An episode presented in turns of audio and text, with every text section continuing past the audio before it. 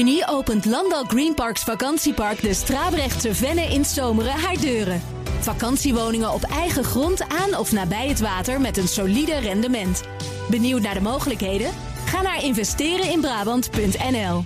De Friday Move wordt mede mogelijk gemaakt door TUI en Europarks. Europarks, je perfecte vakantie of je eigen tweede huis. Blijf scherp.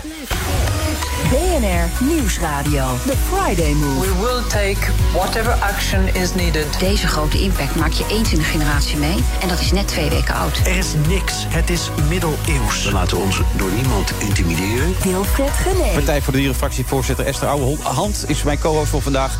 En zij heeft allerlei goede ideeën.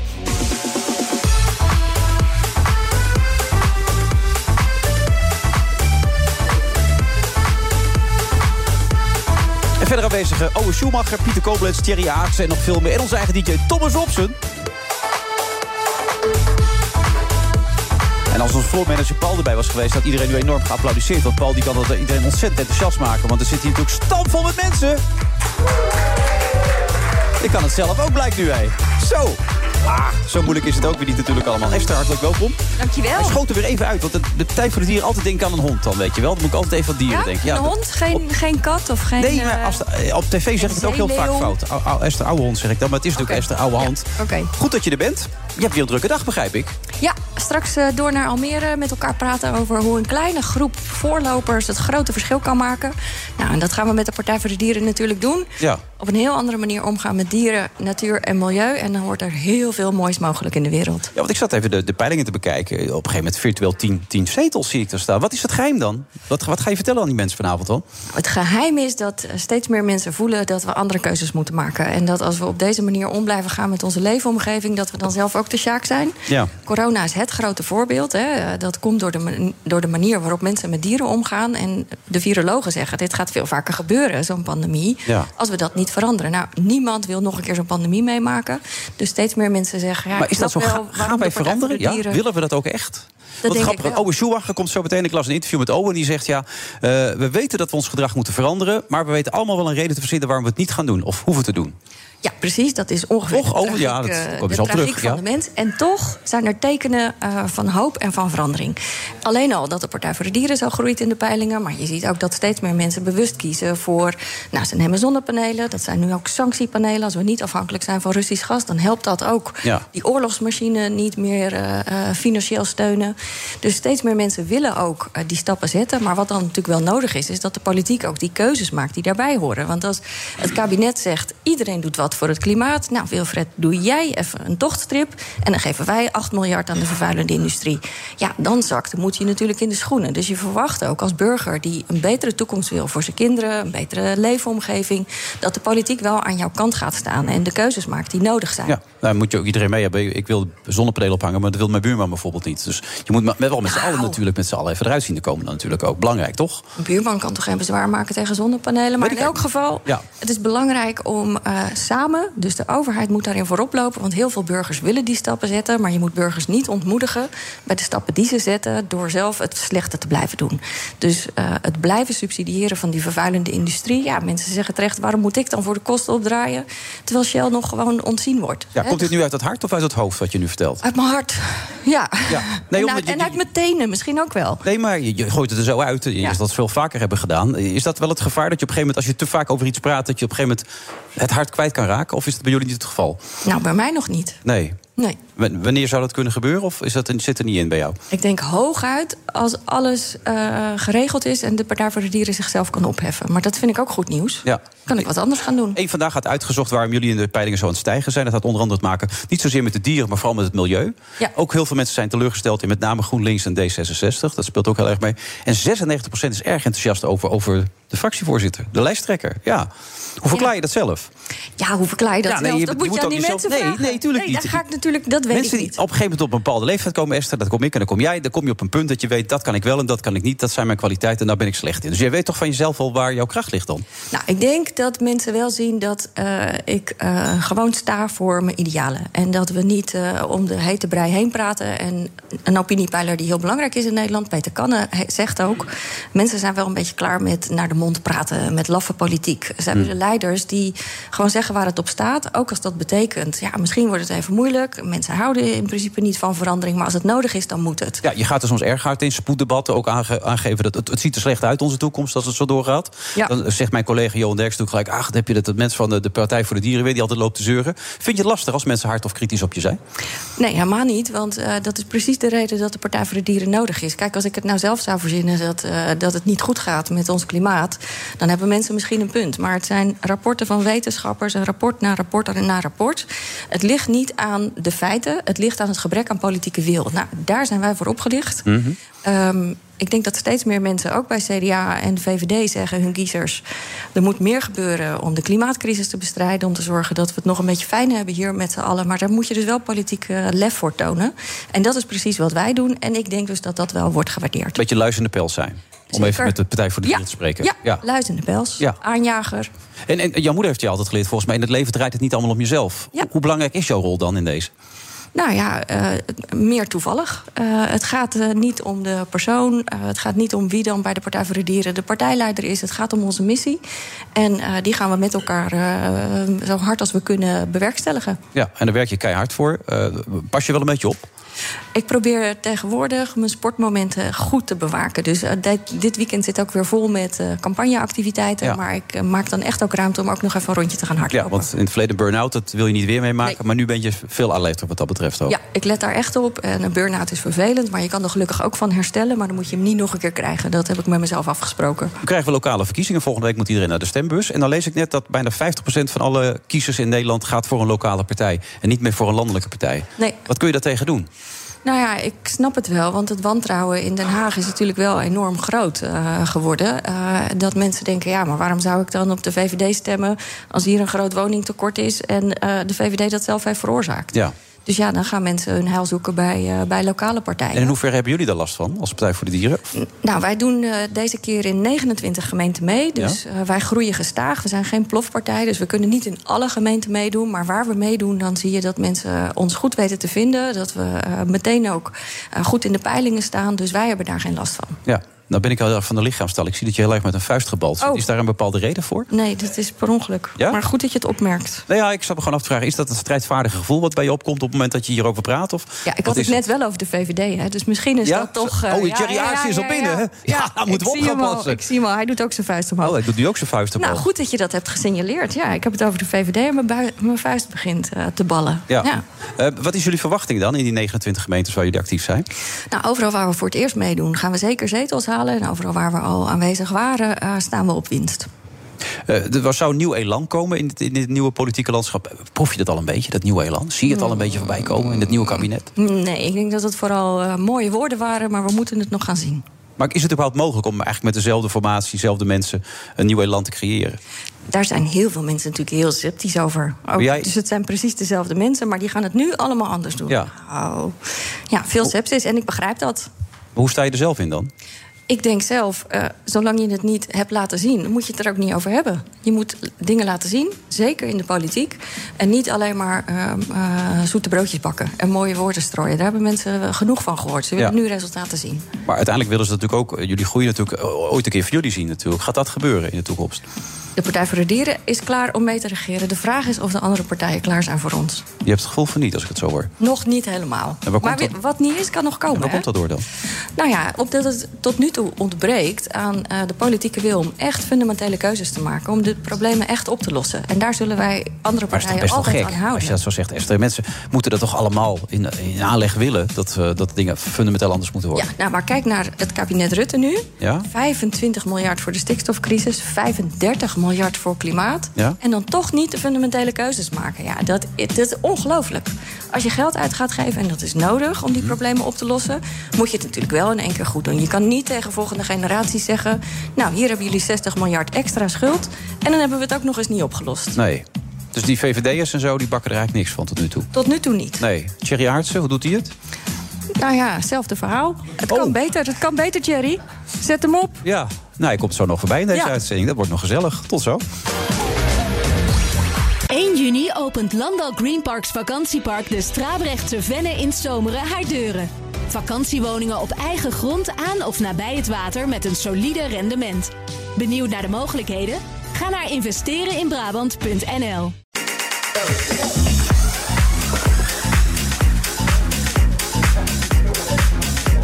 Vrijdag eh, 11 maart is het alweer. Goh, het gaat die tijd snel hè, als je erover nadenkt. Ehm, naast mij Esther Ouwehand. Die blijft tot eh, kwart voor zes zitten volgens mij. Ja, En gezellig. dan moet je in de auto of gaan jullie eh, Met de trein. met de trein? netjes? Ja. Oh, keurig Ja. allemaal. Waar, waar denk je aan als je Owen Schumacher ziet zitten? Eh, gezellig. Koefnoen. Oké, Ja. nou fijn. Ja, toch weer in 2016 gestopt hè? Ja, zo lang geleden is het alweer. Ja. En, en hoe is dat dan op straat? Krijg je dat ook nog steeds naar je horen? Nee, nou af en toe. De, de verstokte fans die eh, vinden het nog wel leuk om. eh, eh, nee, maar het is nooit om de herkenning gegaan, hè? Dus, Nee? Nee. Waar doe je het voor dan? Nou, om met elkaar dingen te maken die je zelf heel erg leuk vindt en de moeite waard vindt. Ja. En, op het moment dat je het op tv doet, weet je dat er veel mensen naar kijken... dat er ook Ja. dat soort reacties gaan komen. Ja, nee, en het is natuurlijk ook leuk dat dan veel mensen het zien. En misschien ook wel de mensen die het misschien niet helemaal met je eens bent. Zodat je ook mensen misschien op, op een andere manier naar dingen kan laten kijken. Maar het, het uitgangspunt is altijd geweest dat ik dingen wilde doen die ik zelf heel leuk vond om te doen. Ja, maar dan is het toch beter dat je het op tv doet... waardoor er een groot publiek is, waardoor het ook ergens Nou, beter, eh, dat, dat hoeft niet. Ik vind, zoals nu doen we het in theater. Ja. En dat is, eh, ik vind het een niet beter dan het andere. Je hebt groter bereik als Ja. het is. Maar als het niet op tv was geweest, had het nooit in theater gekund, denk ik. Mm, Nee, niet, niet dezelfde titel. Maar dat had nog steeds hetzelfde uitgangspunt hè, voor, voor, voor het makerschap. Ja. Eh, had nog, nog steeds wel gewerkt. Hoe kijk je eigenlijk naar Esther Howland? Nou ja, als in ieder geval als een, eh, een, een blo- bevlogen iemand die ergens voor staat en de principes niet eh, eh, eh, opzij zet. Dus eh, eh, eh, dat is een, eh, eh, een, een, een, een pro in, eh, in Den Haag, denk ik. Ja, zou ze een typetje kunnen zijn bij jullie? Absoluut, ja. zeker. Leuk. Oh, ik hoop er al op. Maar ja, we, dat, dat doen we niet meer. Dus dat Nee. is eh, tenminste, nee, we doen geen imitaties Jullie werken meer. met de vaste characters die in het verleden groot Ja, zijn. ja, jullie, de, toch? de, ja de, de imitaties die zijn te zeer gebonden aan de actualiteit. Dus als je die dan echt aan tafel of, of in je show hebt zitten, in de theatershow... dan moet je elke week bereid zijn om je show helemaal om te gooien en te veranderen. En we zijn best bereid om af en toe een grapje over de dag te maken... maar om echt de show helemaal om te gooien, dat niet. Plus dat we een beetje het slachtoffer zijn geworden van onze eigen verwachtingspatroon. We hebben die imitaties vaak, die leken zo goed... eh, dat mensen dat dan ook in het theater verwachten. Ja. En de, ja, de tijd om dat om te kleden en zo te schminken, die heb je gewoon niet. Dus eh, eh, we moeten gaan, eh, mensen iets meer meegaan in de suggestie. Dan hebben we onze eigen types. En dan kun je snel hup, met een... een want welke characters gaan de mensen allemaal zien voor de vaste kijkers? nou, dan heb je Okko en Eus. Dat waren het ANWB-stel in hetzelfde vlies, jassen en driekwartsbroeken en, en sandalen. Die, die komen terug. We hebben de, de Zeeuwse dames, die altijd de laatste gadgets hadden. En die, die gaan nou, omdat ze de postcode knoepert hebben gevonden... gaan ze de ruimte in. Want dat is het helemaal. Als je miljonair bent, ga je de ruimte in. Ja. Nou ja, en eh, zo... sekswerker eh, Annette, die eh, de hele, hele moeilijke tijden heeft gehad... de afgelopen tijd eh, in de anderhalve meter samenleven. Viel niet mee, hoor. Maar nou mag het weer open. Dus het is een doorstroomlocatie. Je mag zonder QR-code naar binnen. Nou, dat soort dingen. Ja. ja. Jullie deden die types ook in de politiek iets minder... omdat het op een gegeven moment normalere politici werden. De, de, de, de LPF'ers en Nou ja, zo, ze- die waren een beetje verdwenen. Kijk, Esther heeft ook alweer een PR-iemand bij zich. Ze worden allemaal steeds meer gepolijst. Wij zijn begonnen met, met eh, kopspijkers toen in 2001. Nou ja, toen had je mensen die nog niet zo ontzettend gekneed waren. Eh, eh, ja, Jan-Peter Balkenende en Gerrit Salm en dat soort types. Die waren eigenlijk... eh, oh, oh, nou ja, die waren min of meer... eh boven komen drijven. En Ja. zeker die LPF die we, die we toen kregen. Ja, Die, Einsbroek en zo. ja, en die wilden toch heel graag dat, dat ze serieus genomen waar, werden. En dat is natuurlijk het verschil met nu. Nu heb je ook mensen waarvan je denkt, hé, wat doen die in de politiek? Mhm. Maar dit kan ze ook niet zo heel veel schelen wat eh, de mainstream media van ze vinden. Dus dan is het eh, ook eigenlijk minder leuk om daar satire over te maken. Hoe bereid je dit dan voor, eh, wat dat betreft, Esther? Je hebt iemand daarbij genomen. Nou ja, ik Neem denk je vooral... vragen door en zo. En... Het zal zeker zo zijn dat voor een programma als Koefnoen... eh, er bepaalde goudmijntjes in eh, Politiek Den Haag hebben rondgelopen. Ja. Maar ik herinner mij toch ook de Ik hou van Holland eh, satire... met Ja, ja, ja. eh, de vier eh, CDA'ers. Waaronder eh, Verhagen, die kan je toch niet ongekneed noemen? Nee, dat, En, dat is gemixt. Ja. Ja. Ja, dat is een van mijn favoriete uitzendingen. Ik kan er Ja. nog om lachen. Ja. Nu haal je bij jezelf weg. Wat, wat heb je voor deze uitzending voorbereid dan met je dame die je mee hebt gebracht? Zij heeft met de redactie gebeld om even te vragen wie zijn de andere gasten. Dat ik een beetje weet eh, wie er aan tafel zitten. En ik heb met jouw redactie gebeld. Die heeft het programma met me doornam. Dat was het. Oké, maar je bent nog niet volledig gekneed om even met de Owen te spreken. Ja, en mensen die mij kennen, die eh, denken dat het een kansloze poging is. Om jou te kneden? Ja, kom op. Maar een soort van mediatraining heb je toch wel gehad? Of, Nee. Nee, nooit? Nee. nee. Of geoefend? Of, eh, Nee, je kijkt gewoon je eigen dingen terug. En dan denk je, ja, dit had ik beter kunnen doen. En eh, zo, eh, zo leer je. ja. Tenminste, vind ik. Dus, dus na afloop heb je wel een gesprek met je, met je PR-medewerker... van hoe vond jij dat het ging? Wat had ik beter kunnen doen of ja, niet? Het is altijd, eh, dit was weer helemaal niks, S. Volgende keer even beter je best doen. Ja. Dat heeft ze Ja. nu al die indruk, als ik het zo zie. Ja. Ze is er al bij gaan zitten op de grond. Het is vrij desolaat dit al. Ze heeft het opgegeven nu al de precies, strijd. Ja. precies. Ik weet al wat me te wachten staat. Ja, en de evaluatie. Ja. Ben je net zo hoopvol gestemd als Esther dat is? Wat er net gezegd over, werd, eh, over verandering werd gezegd en gedrag... en dat we het beseffen en dat we het gaan doen met z'n allen? Eh, ja, eh, nou ja, hoopvol wel, maar of het helemaal zo is, weet ik niet. Onze, het insteek van onze voorstelling was eigenlijk... je refereerde er net al even aan, verandering. We, moeten eigenlijk, we weten eigenlijk allemaal dat we ons in het gedrag iets moeten veranderen... Om, Ja. voor, voor, de, voor de planeet, voor, maar we hebben allemaal onze eigen argumenten om te denken... nou, nu nog even niet, of laat de anderen eerst... of wat zal ik doen, het is toch maar een groeiende, druppel op een groeiende plaat. En ons leek het leuk om dat gedrag te spiegelen... een beetje met de, de types die we bedacht hadden. Dat was 2,5 jaar geleden. Toen hadden we nog onderwerpen gemaakt over vliegschaamte en dat soort dingen. En toen kwam opeens corona. Dus dan, eh, toen was eigenlijk dat mensen dachten... vliegschaamte, rot op man, ik ben zal blij zijn als ik weer op vakantie mag. Dus eh, eh, die onderwerpen blijven natuurlijk nog steeds wel. Maar we hebben wel ook de voorstelling steeds weer... om het meer het gevoel van nu te laten geven... ook aan de veranderingen die we daadwerkelijk te zien kregen aangepast. Ja. Maar die hoop, nog even erop terugkomend. Gaan mensen veranderen? Gaat het gebeuren wat Esther zegt? Eh, ja, ik denk dat, we, dat er uiteindelijk dat het, dat het wel zal moeten. Eh, en, ik, en ik hoop het ook, want eh, ik heb ook drie kinderen... en die willen ook nog een toekomst hebben. Dus als we niks doen, ja, er, er moet iets gebeuren. Ja, want je zegt Ja. net dat geld wordt helemaal verkeerd ingezet. Waarom wordt dat verkeerd ingezet dan? Nou, neem, eh, neem klimaat. 35 miljard. En eh, er moet geld heen. Het zou veel goedkoper zijn geweest als we eerder waren begonnen. Eh, en een deel wordt wel goed besteed. Maar voor een deel ga je dus geld uitgeven aan klimaatmaatregelen. En tegelijkertijd zeg je tegen Schiphol... Ah joh, 500.000 vluchten per jaar is prima. Heb je nog steeds niet definitief besloten... dat Lelystad Airport gewoon niet open kan? We zitten midden in een klimaatcrisis. Ga je toch niet nog een vliegveld openen? Heb je nog steeds niet met de grote vervuilers afgesproken... luister, Iedereen in Nederland gaat een steentje bijdragen. We moeten allemaal veranderen. Niet iedereen vindt dat leuk. Maar we kunnen dat niet op de schouders van de mensen leggen met de laagste inkomens. Dus grote vervuilers. Die moeten stoppen met vervuilen. En wat ze nog vervuilen, moeten ze zelf voor gaan lappen. In plaats van die indirecte subsidies die tegen de 8 miljard per jaar kunnen lopen. Dat kan je toch niet verkopen aan mensen? En dan heeft Owen een beetje gelijk dat mensen ja, misschien niet zo heel graag willen veranderen. Als ze zien dat grote vervuilers eh, toch overal mee wegkomen. Wat heeft jouw tochtstrip dan voor zin? Dus ik vind het is en-en. En ik geloof er echt in dat mensen hun steentje willen bijdragen. Want niemand wil dat deze aarde onleefbaar wordt voor zijn kinderen en kleinkinderen. Je wil Als je het allemaal het, zegt, beste. niet, nee. je wil allemaal het beste voor je kinderen. Dat geldt ook voor Maar net kiezers als met van, roken. van- Mensen weten dat het slecht voor hen is. En vaak blijven ze toch doen onder het motto van ik merk er nu niks van. Dat is het gevoel een beetje. Ja, Ja, en wel helpt- steeds minder, toch? Ja, dat is waar, maar- dat, en, eh, ja, het, gaat, het gaat langzaam en misschien eh, af en toe eh, te langzaam. Maar ja, ik geloof wel dat mensen uiteindelijk best bereid zijn om een beetje zich aan te passen. Alleen het is, als je iets van mensen afneemt, dat is natuurlijk altijd eh, dat is een reactie. Dat willen mensen niet. Nee. Dus je, je moet een alternatief bieden, denk ik. En dat is. eh, Ja, en dat gaat gelukkig Dat- beter. Kijk naar eh, de vleesconsumptie. Ook de grote traditionele vleesbedrijven zetten nu in op plantaardige alternatieven. Nou, dat is niet omdat ze dierenrechtenactivisten zijn of zo, maar omdat ze gewoon zien, daar zit de toekomst. Ze zijn lekker, smakelijk, hoppakee. Niet moeilijk doen. Eh, die kant moeten we op. Oké, terug naar Koevenoen. Komt Ja. het ook weer terug op tv? Of is dat... Nee, dat denk ik niet. Nee, Nee? dat lijkt me ook. Nee, dat is ook mooi geweest. We hebben het 13 jaar gedaan, weet je wel. En Ja, is, en, eh, de- jullie wilden nog wel een paar jaar door. Maar het was het duur programma, de Tros kwam erbij. Jullie zaten de achterwand van de Tros een beetje belachelijk te maken. Eh, Ja, maar goed, het, het- het- uiteindelijk, het- dat is ook alweer zes jaar geleden. Dus dan, dan, op een gegeven moment wordt het ook een beetje... Nee, het, is, het is hartstikke leuk geweest. En het- we gaan nu iets anders doen. En Ja. Het is ook weer hartstikke leuk. We gaan het in theater doen. We doen het voor het publiek. We doen het live. Eh, we zitten het, eh, je, je hoort de reacties. Dat is ook eh, hartstikke leuk. We hebben natuurlijk eigenlijk heel lang dingen gewoon over de heg gegooid. En maar gehoopt dat mensen het leuk zouden vinden op de plekken waar wij het bedacht hadden dat het leuk zou zijn. En nu hoor je of het werkt of niet. Ja. En, Je doet niet die eentje voor de Nee, nee, duidelijkheid. nee. Ik doe het samen dus met Paul Groot en met Jeremy Baker. En met twee nieuwe frisse dames. Sanne Fransen en Kiki van Deursen. Kun je dat gewoon zeggen in deze tijd? Frisse dames kan, hè? Gewoon. Nou ja, ze- nee, ja. Bij alles moet je oppassen nu vandaag de dag. Frisse dames. Ja. ja. Ze zijn voor ons fris. Ja, van nieuw. Fris nieuw als in de in, zin van, nieuw. ja, Ze ja, waren nog ja. niet eerder bij Koefnoen. Ja. Oké. Ja. ja. En want als je zegt onfrisse dames, is het al gelijk heel gek. Ja, maar dat zeg ik ook niet. Nee, dat is Nee, dat zei ik niet. Nee, nee, want als is meteen weer dat je denkt, hé, hey, gaat iets verkeerd. Ja.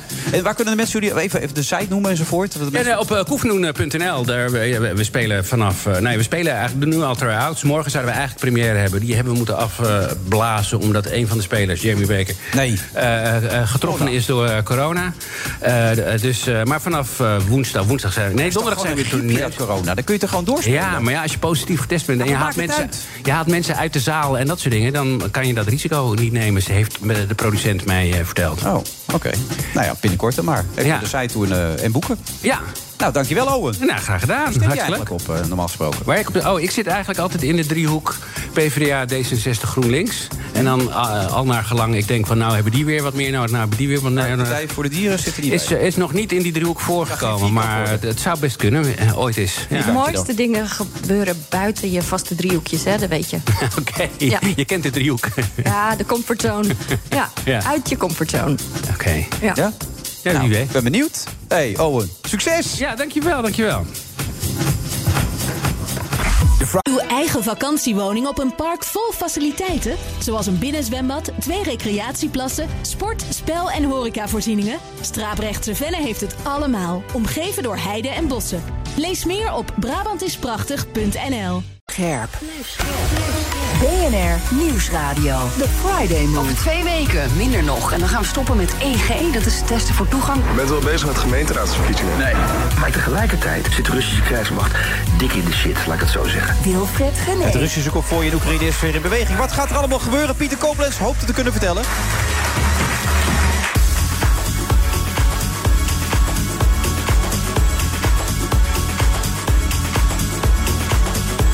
Ik zie inmiddels dat jouw medewerker gewoon op een stoel is gaan zitten. Die heeft er weer een beetje hoop in gekregen, Esther Houwan. Kennelijk gaat er toch iets goed. Ja, Dat, het gaat weer iets beter inderdaad. Ze- iets ze- ze- beter, ze ja. klinkt zelfs met een glaasje water, dus het komt helemaal goed allemaal. Komt helemaal goed. Friday Move 11 maart. Eh, we zitten in eh, Amsterdam bij de Doubletree bij Hilton. U kunt langskomen als u dat wilt. Onze eigen DJ Thomas Robson. Ons is ook aangeschoven Pieter Kobelens, eh, generaal buitendienst en voormalig NIVD-baas. Goed dat je er bent, Pieter. Goedemiddag, Wilfred. Ja, nee, we hebben elkaar van de week nog gezien, maar je doet zo formeel gelijk tegen me. Nou, het is een andere dag toch? Dan eh, nieuwe, nieuwe dag, nieuwe kansen. Oh, dan ik. is de kans weer aanwezig dat je heel anders tegen me doet. Van de week was je heel amicaal, vond ik. Eh, Kijk, wellicht aan hoe goed jij in vorm bent vandaag. Oh ja, dat weet je bij mij inderdaad nooit. Hey, voordat het begon allemaal, zaten jullie al te drukke discussie. Jij was niet zo enthousiast over het feit dat Esther eigenlijk vond dat het kabinet er niks van gebak heeft tot nu toe. Nou, ik was er niet zo enthousiast over dat we het voortdurend over een bestuurscultuur hebben. En dan omhoog gaan zitten kijken naar de regering. En natuurlijk bij, voor, bij voorkeur naar Rutte 4. Want de SP heeft ook zo'n mooie reclame daarover. Als je een nieuwe bestuurscultuur wilt, moet je elkaar ook gunnen dat de dingen goed zijn gegaan. We zijn een van de rijkste landen ter wereld. We hebben de pandemie, ondanks alles, toch met heel veel geld tot nu toe weten te overleven. Dat is toch wel een prestatie van mensen die in de regering hebben gezeten. Dus als je nieuwe cultuur hebt, je mag er voor mij op enkel hoogte ingaan. Maar je moet mensen ook gunnen dat datgene wat ze goed gedaan hebben, dat je dat goed doet. En ze niet met een alternatieve scheldkanonade zoals de SP dat doet.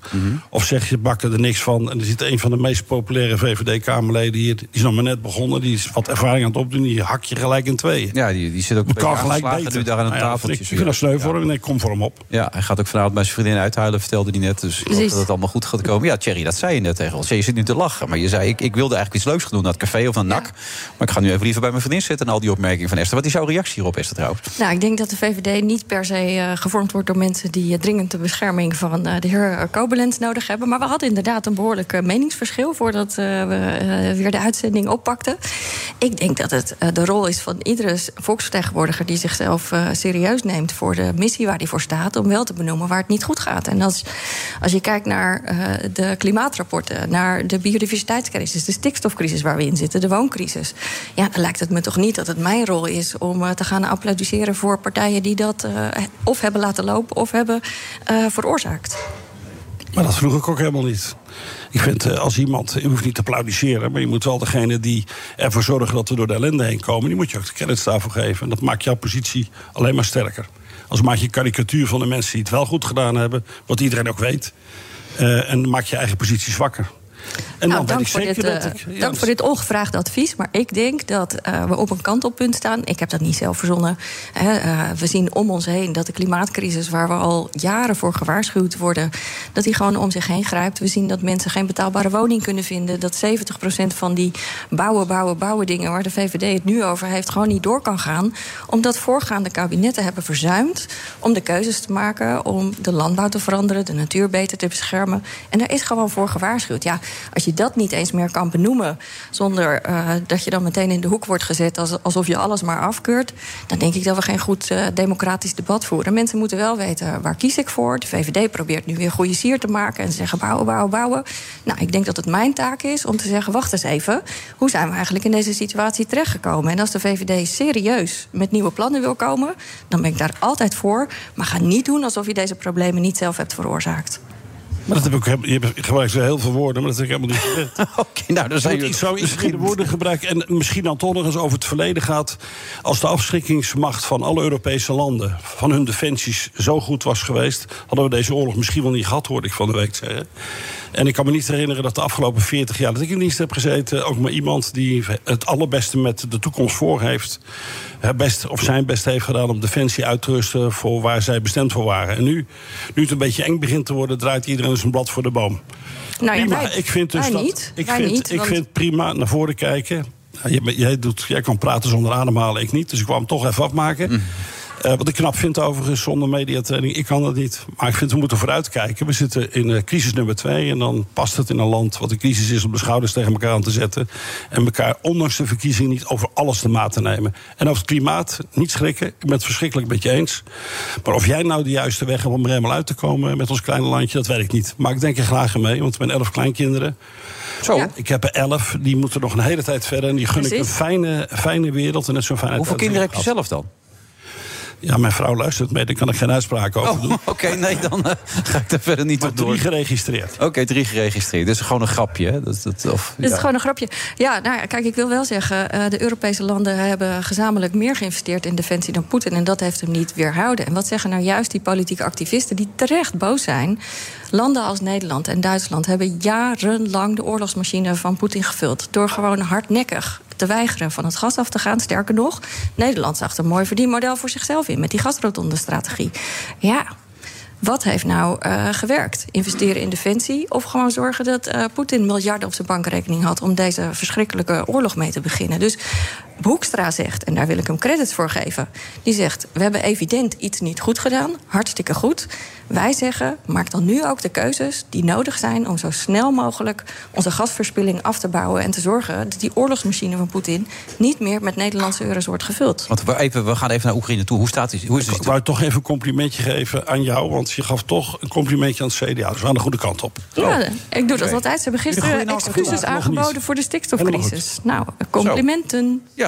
Nou ja, goed. En zo kun je ook een complimentje uitdelen. Inderdaad, zo makkelijk is het eigenlijk ook weer, toch? Dat is wat, wat Pieter wil, dus we zijn er zo'n beetje. Ja. Was de, ging het me ook zomaar in Oekraïne op dit moment? Maar zo gaat het niet. Nee. Want het, het konvooi is gaan rijden. Ze komen dichter bij Kiev. Wat, wat gebeurt er op dit moment? Ik denk dat we een zwarte periode tegemoet gaan. We hebben heel veel narigheid gezien. We weten hoe de Russen met andere landen zijn omgegaan. We hebben natuurlijk met, uh, met gemeende gevoelens gekregen... naar het enorme lange konvooi wat de lengte had van Breda via Rotterdam ja. tot met Delft. Maar nu gaan ze ontplooien, dus ze gaan om uh, de stad Kiev heen. Dat betekent alle lijnen daar, aanvoerlijnen, maar ook afvoerlijnen... voor bijvoorbeeld uh, mensen die willen vluchten, die sluiten ze af. Dus je zult zien dat de inwoners die achterblijven... of die weg willen worden, dus een extra stuk, stuk inzet... bij de onderhandelingen door de Russen. En als zij uh, Kiev uh, omsloten hebben, ja, dan kunnen ze targets, doelen eruit pikken die in toenemende mate vervelend worden en wordt het koordje aangehaald. En het tweede ja. is, die kolonne die, is nu, die gaat zich verspreiden. Nu gaan eenheden zich opstellen op een dusdanige manier waarvoor ze eigenlijk bedoeld zijn. Dus de vernietigingskracht en doeltreffendheid wordt, wordt steeds groter. Ja. Dus en ze gaan op afstand schieten. Ze gaan, ze gaan, de stad niet binnen snel. Ze gaan vooral heel veel schieten de eerste komende tijd. Als zij met, met personeel de stad ingaan, hebben ze geen schijn van kans. Nee. Hebben ze zelf ervaring mee met Stalingrad. Dat wordt een bloedbad. En hoe lang en hoeveel gaat het. Uh, nee, ik wil niet over slachtoffers, maar hoe lang gaat die duren, denk je? Wat, wat, wat is jouw verwachting? Nou ja, ik, we zijn nu al twee weken verder. Ja, maar nu, nu is het zo intensief. Want Kiev is de stad om te nemen natuurlijk. Weken. Tot, totdat een uh, regering zegt... is het, uh, het aanblijven en het vasthouden aan onze principes... of het buitenhouden van de Russen... nog zoveel doden waard. Die kant gaat het op. En dat is, uh, dat is triest. Ja. Kiev heeft volgens mij 2,7 miljoen inwoners. Daar is de helft van gevlucht inmiddels. Er zitten er nog ruim een miljoen mensen daar. Ja, afschuwelijk. Hartverscheurend. Ja. Dadelijk zonder water, zonder elektriciteit. Dat mag allemaal niet. Maar dat zijn dus Net zoals in Mariupol eigenlijk, wat daar nu het geval is. Ja. ja, dat is ongehoord. En toch doen we niks uiteindelijk, met z'n allen. Want dat kan niet. Nee. NAVO mag niet ingrijpen, het Westen mag niet ingrijpen. Ja, Hoe voelt dat? Het, ja, het is een verschrikkelijk dilemma. Uh, de NAVO zegt ook, uh, uh, denk ik terecht... ik ben niet heel vaak eens met de NAVO... maar nog verdere escalatie en uitbreiden van de oorlog... gaat nog veel meer mensenlevens kosten. Dus het is een verschrikkelijk dilemma waar we voor staan. Kijk, het allerbelangrijkste dat we moeten doen... is zorgen dat Poetin geïsoleerd raakt. In elk geval geen oorlogsmachinerie meer kan bouwen... met Europese euro's. hulp bieden voor de mensen uh, die vluchten. En hopen, hopen, hopen, hopen dat we zo snel mogelijk een einde kunnen maken aan deze oorlog. Gaat dit niet tegen jouw strijders hard in eigenlijk, Pieter, als je het allemaal zo ziet? Wie wordt er niet kwaad als je mensen ziet afslachten? Ik bedoel, natuurlijk hoor je de, de verhalen... kun je Poetin niet om zeep helpen of weet ik veel. Ja, natuurlijk jeuken je handen om uh, mensen die eigenlijk uh, uh, zich niet kunnen verdedigen... als je die ziet vermoorden. Maar ik ben het eens met, met Esther. Kijk, als je erin stapt, dan krijgen we een nog grotere oorlog... Hmm. waarvan de kans dat het heel slecht afloopt nog groter wordt. Daar zijn de Oekraïners ook niet bij geholpen, hoe vervelend het ook klinkt. Nee, maar deze gedachte om te weten, wat jij nu net vertelt... dat Kiev de komende weken zo zwaar belaagd gaat worden... en er veel slachtoffers zullen gaan vallen... Het is eigenlijk. Uh, ja, maar, en dan, maar niet te praten over. Ik heb vluchtelingen het echt gezien. Het klinkt een beetje raar. Dat is verschrikkelijk. Dat beeld raak je nooit meer kwijt. Maar dat de vijand die je aanvalt, je vluchtroutes aanbiedt. die je laat uitkomen in het land waar zij vandaan komen. Ja. dan moet je toch wel een hele morbide geest hebben. Dus ik heb verschrikkelijk medelijden met de mensen. En ik eh, ben blij dat wij in Nederland wat mensen die willen allemaal wat doen. Hier is Nederland dan weer wel goed in, vind ik. Als je hm. mensen hier naartoe ziet halen, maar handenjeuk. Ja, en we zien al die beelden, dus op het strijdveld zien we. Ondertussen de cybersecurity, die is ook nog natuurlijk uh, behoorlijk uh, een dingetje. Ja, maar daar ligt ook een kans, denk ik. Uh, een van de dingen waar een beetje op gespeculeerd wordt... is dat de miljardair zo omheen, maar ook de bevolking... dit niet leuk meer gaat vinden. Maar hij heeft de media strak in de hand. Maar ja, dat is met, met cyber is het toch wat ingewikkeld. Dus hoe meer informatie we die kant op verifiëren waar de informatie hmm. we richting die bevolking krijgen. En daar werken ook de oud-journalisten aan mee. Hoe groter de kans dat iedereen het keer genoeg vindt. Er ontbreken nu toch ook in heel veel Russische gezinnen tussen de 3 à 4000 mannen die gesneuveld zijn. Ja, 6000 las ik al gisteren. Ja, dat, zei, dat, zei, dat zeggen de Oekraïners. De CIA komt met, naar mijn mening, iets betrouwbaar. Dan is het tof.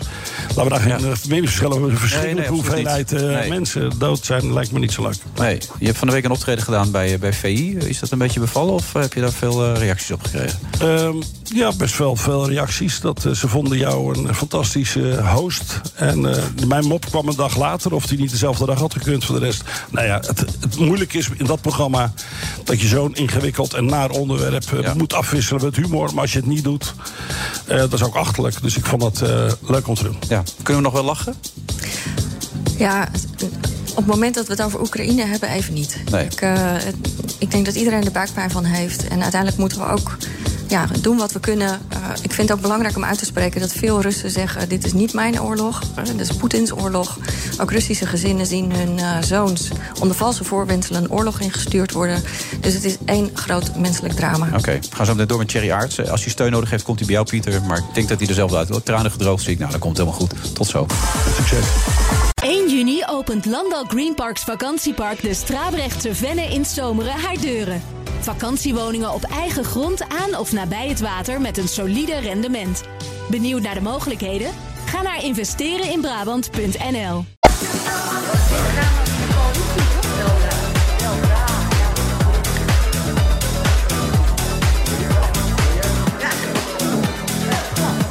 Move vrijdag eh, 11 maart in het jaar 2022. Eh, naast me zitten Esther Ouwehand eh, van de, de Partij voor de Dieren. Maar inmiddels ook aangeschoven Thierry Aartsen van die verderfelijke VVD. En ook Sophie van Leeuwen zit er gelukkig bij om de zaak een beetje uit elkaar te houden. Want Thierry, hoe heb je dit allemaal ervaren tot nu toe? Ach, het is toch mooi. Laten we, dat, maar op meen ik oprecht. U had het, u had het net over, over Oekraïne. Het is toch fantastisch dat we elkaar hier steken onder water kunnen geven met woorden. Ja. In plaats van met wapens. Zo is het. En dat het ook nog mag. Hè? Ik bedoel, eh, als je, Ja, het ook in- tuurlijk. als je dat nu in Rusland doet. Ik weet niet of je die mensen. Ja, die heb je natuurlijk ook gezien. Ik die, zeggen, die dat was, jou- adviseurs. dat, was jouw, eh, dat was jouw beroep waarschijnlijk verboden en die van ons waarschijnlijk verboden. Dus En als radio, ja, hadden we moeten onderduiken, denk ik. Ja. In Moskou. Ja, nee, had je niks meer gekund. In de atoom. Als zelfs die adviseurs niks meer mogen zeggen van Poetin... eh, laat staan dat iemand van de media nog iets mag vertellen. Eh, tot nu toe eh, heb je er weinig van gebak, heb ik ook gehoord zojuist van Esther. Hoe, hoe heb je dat ervaren, die kritiek? Gelukkig eh, moeten we het niet van Esther Ouwehand hebben als het gaat om, om stemmen. Dus dat scheelt dan ook alweer. Ik stem niet op de VVD, dat klopt. Ja, dat is toch Ja. jammer. Hè? Ja, maar herken je er totaal niet in wat er gezegd is hier tot nu toe? Nou, wat je natuurlijk wel ziet, dat, dat is wel, eh, wel interessant, denk ik. Dit is natuurlijk wel een, een, een wake-up call voor ons allemaal... wat er in, in Oekraïne gebeurt. Voor de mensen die later inschakelen denken... wie is Thierry Aarts ook alweer? Dat is die VVD, Kamerlid toch, hè, voor de duidelijkheid? Campagneleider Ja, van VVD, daarom zit hij campagneleider hier. Ja, heel goed. Voor volgende week. Ja, Over een paar dagen mogen we gaan stemmen, inderdaad. Dat is belangrijk om te weten. Maar je was midden in je verhaal, ga door, Thierry. Nou ja, dat, volgens mij is het een wake-up call voor ons allemaal. Volgens mij hadden we de afgelopen 40 jaar allemaal iedereen heel veel andere dingen moeten doen. Hè. Ik hoorde van de week inderdaad dat, eh, dat GroenLinks ook zei... god, misschien hadden we toch iets meer in defensie moeten investeren. Ik denk dat we al ook moeten nadenken over onze energieafhankelijkheid met elkaar. Mhm. nou, volgens mij moeten we daar gewoon lering uit trekken als, als politiek. En zeggen van jongens, kom op. We moeten echt even, even de knoppen omzetten met elkaar. En, eh, en dingen anders gaan doen. Ja, Jack de Vries, eh, kennen natuurlijk op het gebied van verkiezingen... zegt eh rally around the flag, zoals dat zo mooi heet. VVD gaat profiteren van die oorlog in Oekraïne. Verwacht jij dat ook? Nou ja, dat zal, eh, dat zal moeten blijken. Kijk, waar ik me wel grote zorgen over maak... daarom is de reden waarom ik ook hier vandaag zit... is, is eh, Ik zie ook dat je normaal- bezorgd bent, ja. Nou ja, normaal gaat 50% maar stemmen bij de gemeenteraadsverkiezingen. Ja. En volgens mij, weet, als we nu één ding leren van de afgelopen twee weken... is wel dat democratie echt geen vanzelfsprekendheid is. En dat we dat echt moeten koesteren met elkaar. En daarom zou mijn oproep ook vooral zijn... of je nou met. Esther eens bent of met mij eens bent...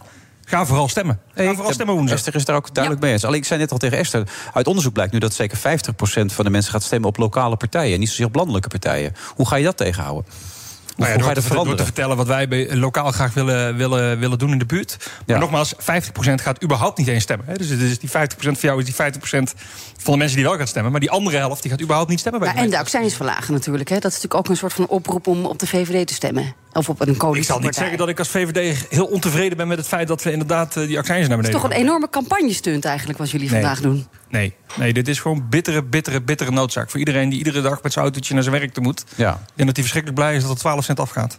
Maar met Ja, energie ik ben ook... het er niet mee eens. Het is een noodzaak voor mensen die het niet kunnen betalen. Maar daar moet je dus andere maatregelen voor treffen. Hoezo wonen zoveel mensen in Nederland nog op of onder de armoedegrens? Hoezo kunnen zij de huren niet betalen? Hoezo wonen zij in een slecht geïsoleerd huis? En dan ga je de accijns verlagen voor iedereen. Ook voor mensen die SUV eh, rijden. Ja, ik ben het wel eens met Sophie.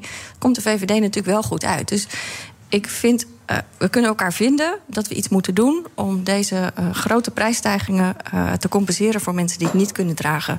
Maar niet een cadeautje voor iedereen, terwijl dat echt niet nodig is. Zorg dat mensen in een beter huis wonen. Dat ze niet zo'n hoge huur hoeven te betalen. Dat hun inkomen omhoog gaat. De kwetsbare mensen, die moeten Ik we denk nu dat er helpen. heel weinig mensen op dit moment in Nederland zijn die denken: laat ik de auto eens even pakken, laat ik eens even 100 kilometer van lol gaan rijden. Maar dat ik denk ik ook heel, niet. Ik denk dat heel veel mensen die auto bitter hard nodig hebben om naar hun werk toe te gaan. En dan is het verschrikkelijk als het in een aantal weken tijd die benzineprijs van 1,10 naar 1,40 gaat. Dan, Maar er zijn er nog steeds genoeg mensen die dat toch kunnen betalen. Eh, Dat is wat Esther volgens mij probeert te zeggen. En er zijn een heleboel mensen die dat niet kunnen betalen. En die kun je dan beter proberen te helpen. Ja, maar we doen allebei. We doen allebei. Je doet zowel de, de, de accijns op de, op de, op de benzine. Hm? eh, gooi je naar beneden. Als inderdaad, je doet iets voor de mensen die op dit moment niet rond kunnen komen. Ja, 800 vanwege euro. Een, eh, een ja. voucher. Nou, Is het tijd voor een autovrije zondag trouwens? Dat deden we toch in de vorige energiecrisis? Is de VVD daarvoor? Mm, Autoloze zondag. Nee, want als je op zondag moet werken, dat zijn er ook heel veel mensen, dan heb je toch een probleem. Ik zou gewoon zeggen, laten we die, die accijns inderdaad verlagen. Denk dat dat een hele goede stap is. Daardoor kunnen mensen, als het goed is, ietsjes minder... krijgen ze iets meer wat verlichting aan de pomp. Ja, de energie pas per 1 juli. Waarom zo laat dan pas? Ja, dat, dat, dat, dat, ik me laat vertellen dat het allemaal best ingewikkeld is... om dat heel snel te regelen, die Ja. BTW. Want nu, nu is het nog koud. Ik bedoel, nu heb je, moet de kachel aan. Ja. Maar dat is lastig. Ik begreep dat de Belastingdienst daar toch even wat moeite mee Nou heeft... ja, om dat ik, heel ik, snel om te ik las eerder dat, Ja, dat de ze sowieso dat überhaupt het hele systeem van de Belastingdienst niet werkt om het makkelijk om te zetten. Toch? Daar zit een heel groot probleem, toch? Nee, Volgens precies. logistieke dat de probleem. Belastingdienst inderdaad een groot probleem is op dit moment. Ja, want ik begreep ook dat eh, al eerder in het jaar bekend werd dat over groente en fruit kon het ook niet dit jaar omlaag, omdat het hele logistieke systeem niet werkt. Dat is, Omhoog kon wel heel snel, ja, maar weer omlaag kon niet. Dat was te veel moeite. Nee. Maar 2022, Nederland. Dat is toch niet te voor te stellen, dit? Eh, de- eh, ja, eens inderdaad. Ik denk dat we het allemaal anders willen hebben. Eh, maar aan de andere kant, jongens, eh, dat is ook alweer... Hè, even zo hier met z'n vieren op een achterkant van een bierveeltje... is het heel makkelijk te regelen. Eh, eh, maar in de praktijk... eh, je moet het juist niet op even het bierveeltje, het moet digitaal allemaal nu. Dat, is klopt, het probleem. klopt, en, ja. ja, nee, en het lastige erin. In een tijd als deze mag je toch een land- als een land van Nederland verwachten dat het moet kunnen. Zoiets. Ja, aan de andere kant, hè, ik bedoel, even als je op groente en fruit de, de BTW gaat verlagen, ik denk dat dat een goed plan is. Maar ja, als je dan een pizza Hawaii verkoopt in een restaurant, is dat dan wel of geen lage BTW? Ja, fruit. Nee, Ja, ja nee, is het fruit of is het niet fruit? Ja, maar Wilfred, je lacht erom. Ja. Maar die restauranthouder, die, moet toch, die moet toch zeggen, ga ik daar nou 0, 9 of 21 voor een, eh, van doen? Als je Ja. een plantaardige pizza maakt, is er geen enkel probleem. 0 procent. Ja, maar we willen nog wel lekkere pizza. Sofie, is dit het eerste meetmoment trouwens voor, voor Rutte 4, denk je, deze verkiezingen? Is dat een beetje een meetmoment al of is het nog te vroeg? Ja, ik, ja misschien, misschien wel een beetje. Kijk, de peilingen zijn natuurlijk helemaal niet zo best hè, voor de coalitie. En dat zien we al heel lang. Ook eigenlijk al sinds corona. Het staan er niet fantastisch voor. VVD nog het beste van de Ja. landelijke partijen. Ja, D66 eh, o- o- ook niet geweldig eigenlijk. Alleen de ChristenUnie doet het aardig. Nou ja, CDA stort toch bijna hè, voor de helft in krabbelt ietsjes terug nu Hoekstra natuurlijk zijn staatsmanrol eh, kan, eh, kan pakken in, de- in, in de kwestie Oekraïne. Dus eh, men heeft niet heel veel vertrouwen in de landelijke politiek. Dat is natuurlijk ook logisch, omdat we alleen maar een jaar lang hebben ruzie gemaakt in Den Haag. Ja. En nu zie je dat we misschien eigenlijk met andere dingen bezig hadden moeten zijn. Dus wel een beetje een meetmoment. En eh, het is niet heel erg best. Heel veel stemmen voor lokaal. Volgens mij meer dan 30 procent, meer dan ooit. Nee, 50% las ik net in een onderzoek. 50 procent zelfs. En dat zijn ook stemmen bijvoorbeeld voor partijen zoals BBB en een beetje Ja21. En niet iedereen doet overal mee. PVV doet wel mee in een stuk of 30 gemeentes. Maar heel veel eh, snipperpartijen, ja, dat wordt gewoon een stem op lokaal. Maar jij bent nu landelijk campagneleider. Wat doe je nu precies eigenlijk dan? Wat, wat, wat, wat moet ik me er voorstellen dan? Eh, zorgen dat de lokale campagnes, we hebben er bijna 315 eh, Ja. maar liefst. Eh, eh, Een uitkering is een lekker hangmaat, bijvoorbeeld in Hellendoorn en zo, dat soort dingen. Dat hou je ja, in de dat gaten. zijn geen goede teksten, nee. Dus dan Nee. moet ik af en toe heel boos opbellen om te zeggen, jongens... Ja, dan ben je ook boos, Jerry? Dan... Dan ben ik wel even boos. Ja, wat zeg je dan? Dat, dat ik daar gewoon zwaar van baal. Omdat het gewoon niet het VVD-standpunt is. En het vertegenwoordigt niet onze campagne. En daarmee benadeel je ook gewoon niet 314 andere campagnes. Dat is gewoon balen, ja, natuurlijk. Ja. Maar wat vind je dan van je eigen teksten? Bouwen, bouwen, bouwen. Terwijl 70% van de nieuwbouwprojecten niet door kan gaan... omdat de VVD het weigert om de stikstofcrisis op te lossen. Dat is toch ook eigenlijk een beetje mensen eh, een lapje voor het lapje houden? Dat is altijd mooi, Esther. Jou- al jouw zinnen zitten altijd zoveel frames in. Dan moet ik altijd even, even gaan puzzelen. Eh, volgens mij is de enige manier om uit deze bouwcrisis te komen... zorgen dat we woningen gaan bouwen. Ik denk dat dat heel Ja, maar dat kan dus niet. Dat kan dus niet, omdat de hebben we 23 stikstofcrisis miljard- eh, 23 miljard niet wordt opgelost. Daarom hebben we 23 miljard, is toch geen kattenpis, uitgetrokken om die stikstofcrisis op te lossen. Volgens niet mij- zeggen dat er niks gebeurt. Ja, maar met geld. Ik bedoel, deze plannen zijn ook alweer door al die experts. Ik zeg steeds tegen VVD en ook CDA... luister naar, naar die mensen die hier al twintig jaar voor hebben gewaarschuwd. Je weet precies wat je moet doen. En doe je het niet, dan heb je een crisis. Doe gewoon wat nodig is. En dat betekent dat je niet in vrijwilligheid en technische oplossingen... en verplaatsen en zo peperduur. Het maar helpt niks. En dan, kan je van dus, mening. en dan kan je dus dat nog jullie, steeds niet dat jullie bouwen. heel graag inderdaad boeren en ondernemers graag daar weg willen hebben... en wij niet. En we zoeken daar een oplossing in... waardoor mensen wel gewoon kunnen ondernemen... en tegelijkertijd kunnen blijven bouwen. Ik denk dat dat een hele Nee, maar dan belangrijke moet je er dus bij. En zeggen, als we het zo doen, mening. dan Maar kan je dat niet kan zeggen dat we niks doen. Nee, maar volgens Esther kan er niet gebouwd worden met deze oplossing. En dat is volgens alle conclusie. juristen en experts die al dat, eh, twintig ik jaar denk gelijk dat er hebben een, gekregen... een- een- ik denk dat er een goed plan op dit moment wordt, eh, wordt gemaakt. Er ligt een enorme pot met geld om dit, eh, om dit aan te pakken. Inderdaad vrijwillig. Wij zijn niet de partij die zegt... jongens, u moet en u zal nu op dit moment weggejaagd worden uit uw eigen bedrijf. Ik vind dat ook geen porum op dit moment om dat te zeggen. Dus we gaan dat op een goede manier eh, gaan doen. En om ervoor te zorgen dat we inderdaad gaan bouwen, bouwen, bouwen. Maar je Dat kan is niet manier- allebei. Dat is de manier, mijn, dat is mijn, dat is de eh, manier om ervoor te zorgen... Het dat is of je doet het eh, vrijwillig... een aantal woningen gaan bouwen. Of je kan bouwen. Maar je kan niet allebei. En zeg je dat wel, dan hou je gewoon mensen voor de gek. Daar zijn we het mee oneens. Volgens mij is het probleem ook, eh, mevrouw Ouwehand, al die bestuurslagen. De provincie en de gemeente en Den Haag. En iedereen zit alleen maar te steggelen met elkaar. Politiek gesteggel, dat is het probleem. Politici die elkaar die geen knopen doorhakken. Ja. Dat is het probleem. Ik herhaal wat eh, de opiniepeiler Peter Kannen heeft gezegd. Mensen snakken naar dappere politiek. En dat is Ja, een rechtstreeks ook- advies aan de VVD en het CDA notabene. We moeten ook eerlijk zijn. Heel veel van dit soort problemen, en zeker de stikstofproblematiek... los je niet op door te zeggen, enerzijds dit, anderzijds dat. Het is helaas zo dat heel veel problemen toch net even een stukje complexer zijn... dan dat u ze nu dit voorstellen. Nou, daar worden je dus inderdaad niet over eens. Wat worden de speerpunten eigenlijk? Voor, wat zijn de speerpunten bij de VVD voor de gemeenteraadsverkiezingen? Ik denk dat heel veel mensen zich uiteindelijk, hè, ondanks al, dit landelijke, eh, eh, al deze landelijke praat, gewoon zorgen maken over hun eigen buurt. Kunnen mijn kinderen veilig oversteken? Wordt het afval fatsoenlijk opgehaald? Ziet het er een beetje goed uit? Kan ik veilig over straat? Dat soort zaken. Ja. Heel dicht bij mensen.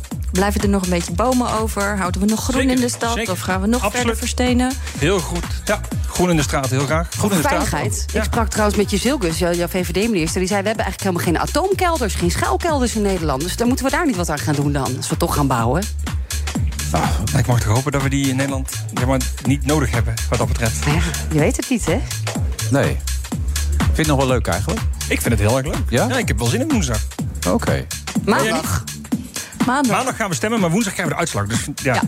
En de uitslagenavond, voor het eerst sinds twee jaar weer... eh, kunnen we ook weer een feestje vieren als partij. Beetje gepast natuurlijk. Zegt, pas nou maar op. Wat zegt dat nou niet? Geen feestjes. Ho hoezo gaan jullie een feestje vieren eigenlijk dan? Nou, omdat ik hoop dat we gaan winnen. Oh, daar ga je wel vanuit? Ja, zeker. Ik heb gisteren twee peilingen gezien. Die toch laten zien dat we zelfs in, Amsterdam de derde partij gaan Dat is worden. ook al een beetje dankzij dus de instorting van het CDA. Hè? Want die waren altijd de grootste landelijke partij. En dan zijn jullie het nu. Ja, dus ik, ik hoop dat dat gaat lukken. Maar ik, hoop vooral, en dat ben ik oprecht, hè, want de feestjes is leuk. Maar volgens mij in Oekraïne moeten we alles, eh, alles gepast doen en eh, wat soberder doen dan gebruiken. Dus ik geen vooral- bier en bitterballen. Eh, ik denk dat er zeker een biertje gedronken zal worden links en rechts. Maar ik denk dat we vooral met onze gedachten ook in de Oekraïne zijn. Ja, en wat ik vooral hoop is dat mensen ook gaan stemmen. Nogmaals, ik zou het echt wel jammer vinden als we, on- als we in Nederland onder de 50% stakken. Terwijl in nog geen 1200 kilometer geloof ik verderop... Ja, de vrijheid, eh, de eh, vrijheid en democratie eh om zeep wordt eh, zo geholpen. Dus ik zou toch vooral zeggen, ondanks dat we het misschien heel vaak met elkaar oneens zijn... laten we dat ook een beetje koesteren met elkaar. Daar zijn we het eens. Eh, Dat en laten we dan ook vooral zeggen, ga alsjeblieft stemmen, eigen jongens. Ga alsjeblieft stemmen. En voor de duidelijkheid, toen je naar binnen kwam, deed je heel aardig tegen elkaar. Dat mensen niet denken dat jullie elkaar persoonlijk onaardig vinden. Het is gewoon jullie werk dit, hè, toch? Dit is gewoon ons werk. Ja, goed. Dankjewel, Thierry. Alsjeblieft. En fijne avond toegewenst. Hetzelfde. Uw eigen vakantiewoning op een park vol faciliteiten? Zoals een binnenzwembad, twee recreatieplassen, sport, spel en horecavoorzieningen? Straaprechtse Venne heeft het allemaal, omgeven door heide en bossen. Lees meer op Brabantisprachtig.nl De Friday Move wordt mede mogelijk gemaakt door Europarks en TUI. Blijf scherp. BNR Nieuwsradio. The Friday Move. We will take whatever action is needed. Deze grote impact maak je eens in de generatie mee. En dat is net twee weken oud. Er is niks. Het is middeleeuws. We laten ons door niemand intimideren. Wilfred Gené. Nee, maar hij heeft ondertussen wel corona. U hoorde zijn stem bij dat Handelburg, maar hij is nog wel in deze uitzending per telefoon zo meteen.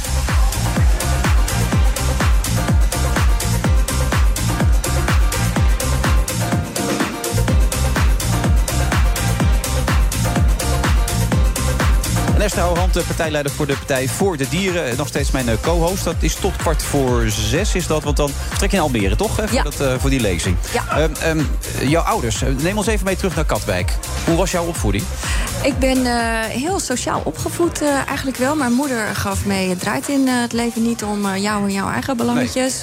Mijn vader was altijd als vrijwilliger actief bij de voetbalvereniging. We dachten sociaal. En Welke eigenlijk... Katwijk precies dan? Quick Boys of Katwijk? Nee, VV Katwijk. Als Ja? ik nu Quickboy zeg, dan mag ik nooit meer thuiskomen. Nee, echt niet? Nee, Oh, nee, nee. Er gaat een nijd tussen die twee clubs. En ik groeide dus op in een VV Katwijk gezin. Oké. Eh, dus iets doen voor, voor de samenleving. En eh, altijd nadenken over wat doe ik nou en wat betekent dat voor anderen. Dat heb ik heel erg meegekregen. En ik trok dat verder naar eh, dieren en natuur en milieu. Dat ik ook nadacht van, hé, hey, wacht even.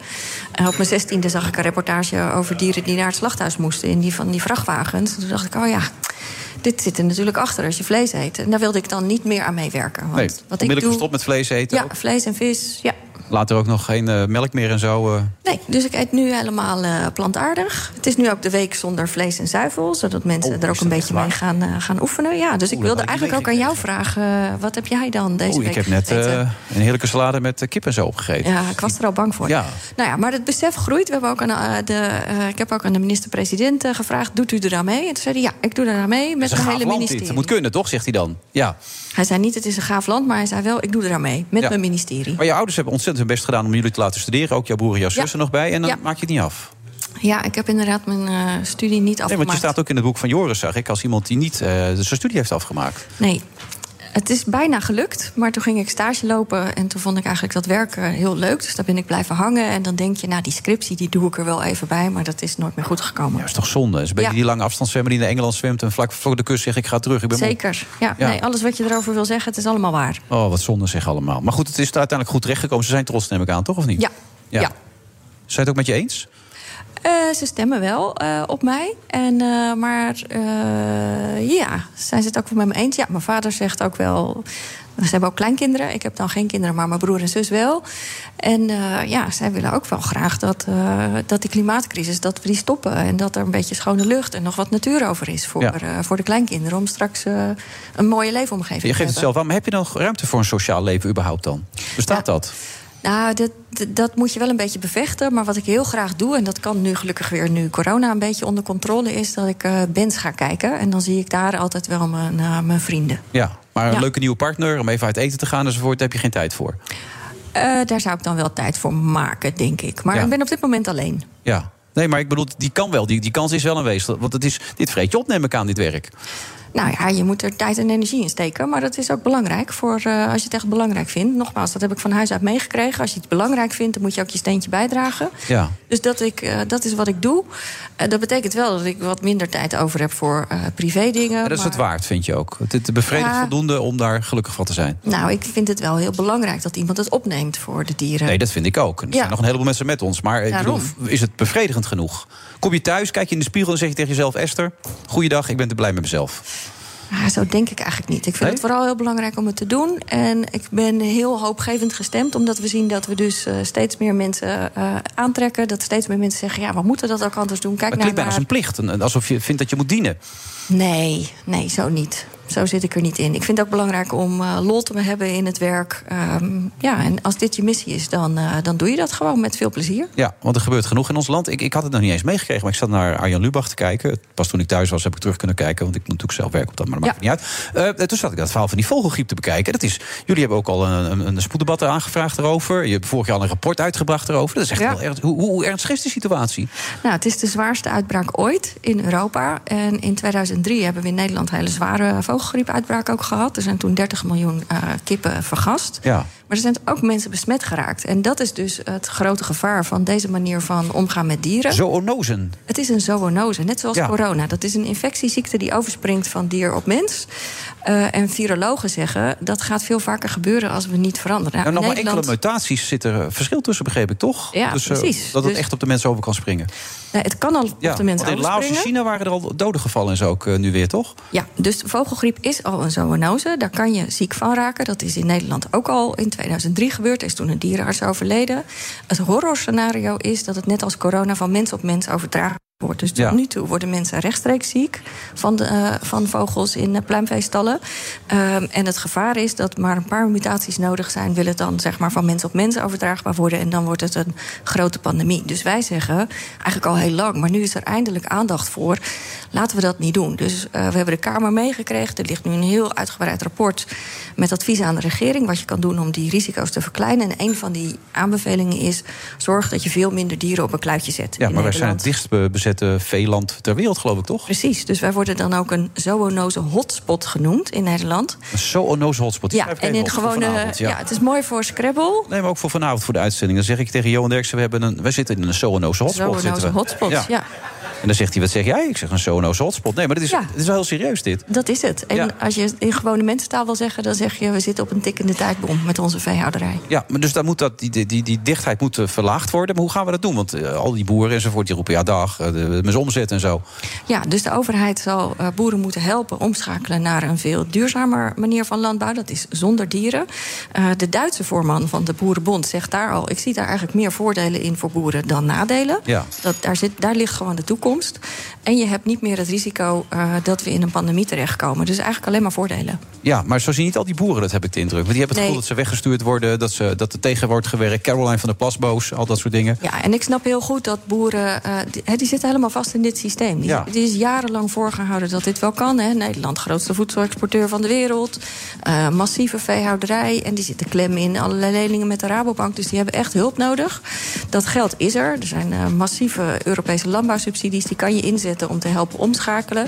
En voor boeren zal het een stap zijn. Dus daar moeten we ze goed in steunen.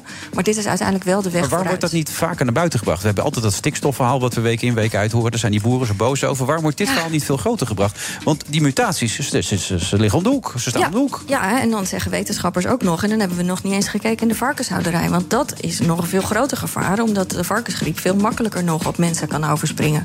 Ja, virologen zitten ook van... ja, we zeggen dit al eh, tientallen Nu, jaren. juist na corona. Nu zou het moment daar moeten zijn om Ja. mensen te beseffen, laten te beseffen. Ja, nou ja, eh, Ik ga het vanavond melden ook weer. Ik ga het weer bespreken vanavond. Want ik bedoel, het, het- voor heel veel mensen is het een ver van het bed, hè? Terwijl het op de hoek is. Ja, het is om de hoek. En eh, gelukkig ligt er dus een heel pakket aan adviezen aan de regering... om te zeggen, we gaan die zoonoze hotspot in Nederland eh, afbouwen. Zodat we dat niet nog een keertje gaan meemaken. Maar het kabinet moet nog wel aan de bak. En iedere dag dat we wachten is een dag dat je onnodig risico loopt... op een nieuwe pandemie. En wij zeggen dus, zo hard als we kunnen, samen met virologen... laat het zover niet komen. Begin vandaag en zorg dat we niet nog een keer in deze ellende terechtkomen... die we met corona hebben gezien. Nee, belangrijk. We hebben de virologen staan op de kaart natuurlijk op dit moment. En Ja. ook die bij ons aan tafel, René van der Grijp... zal dat zeker een serieuze optie vinden om dit beter te gaan bespreken. Ik heb er alle vertrouwen in. Nee, ik ga dit zeker even bij René Ja. in de week leggen zometeen. Dankjewel, we gaan zo weer verder. Dit is de Uw eigen vakantiewoning op een park vol faciliteiten. Zoals een binnenzwembad, twee recreatieplassen, sport, spel en horecavoorzieningen. Straaprechtse Venne heeft het allemaal. Omgeven door heide en bossen. Lees meer op Brabantisprachtig.nl.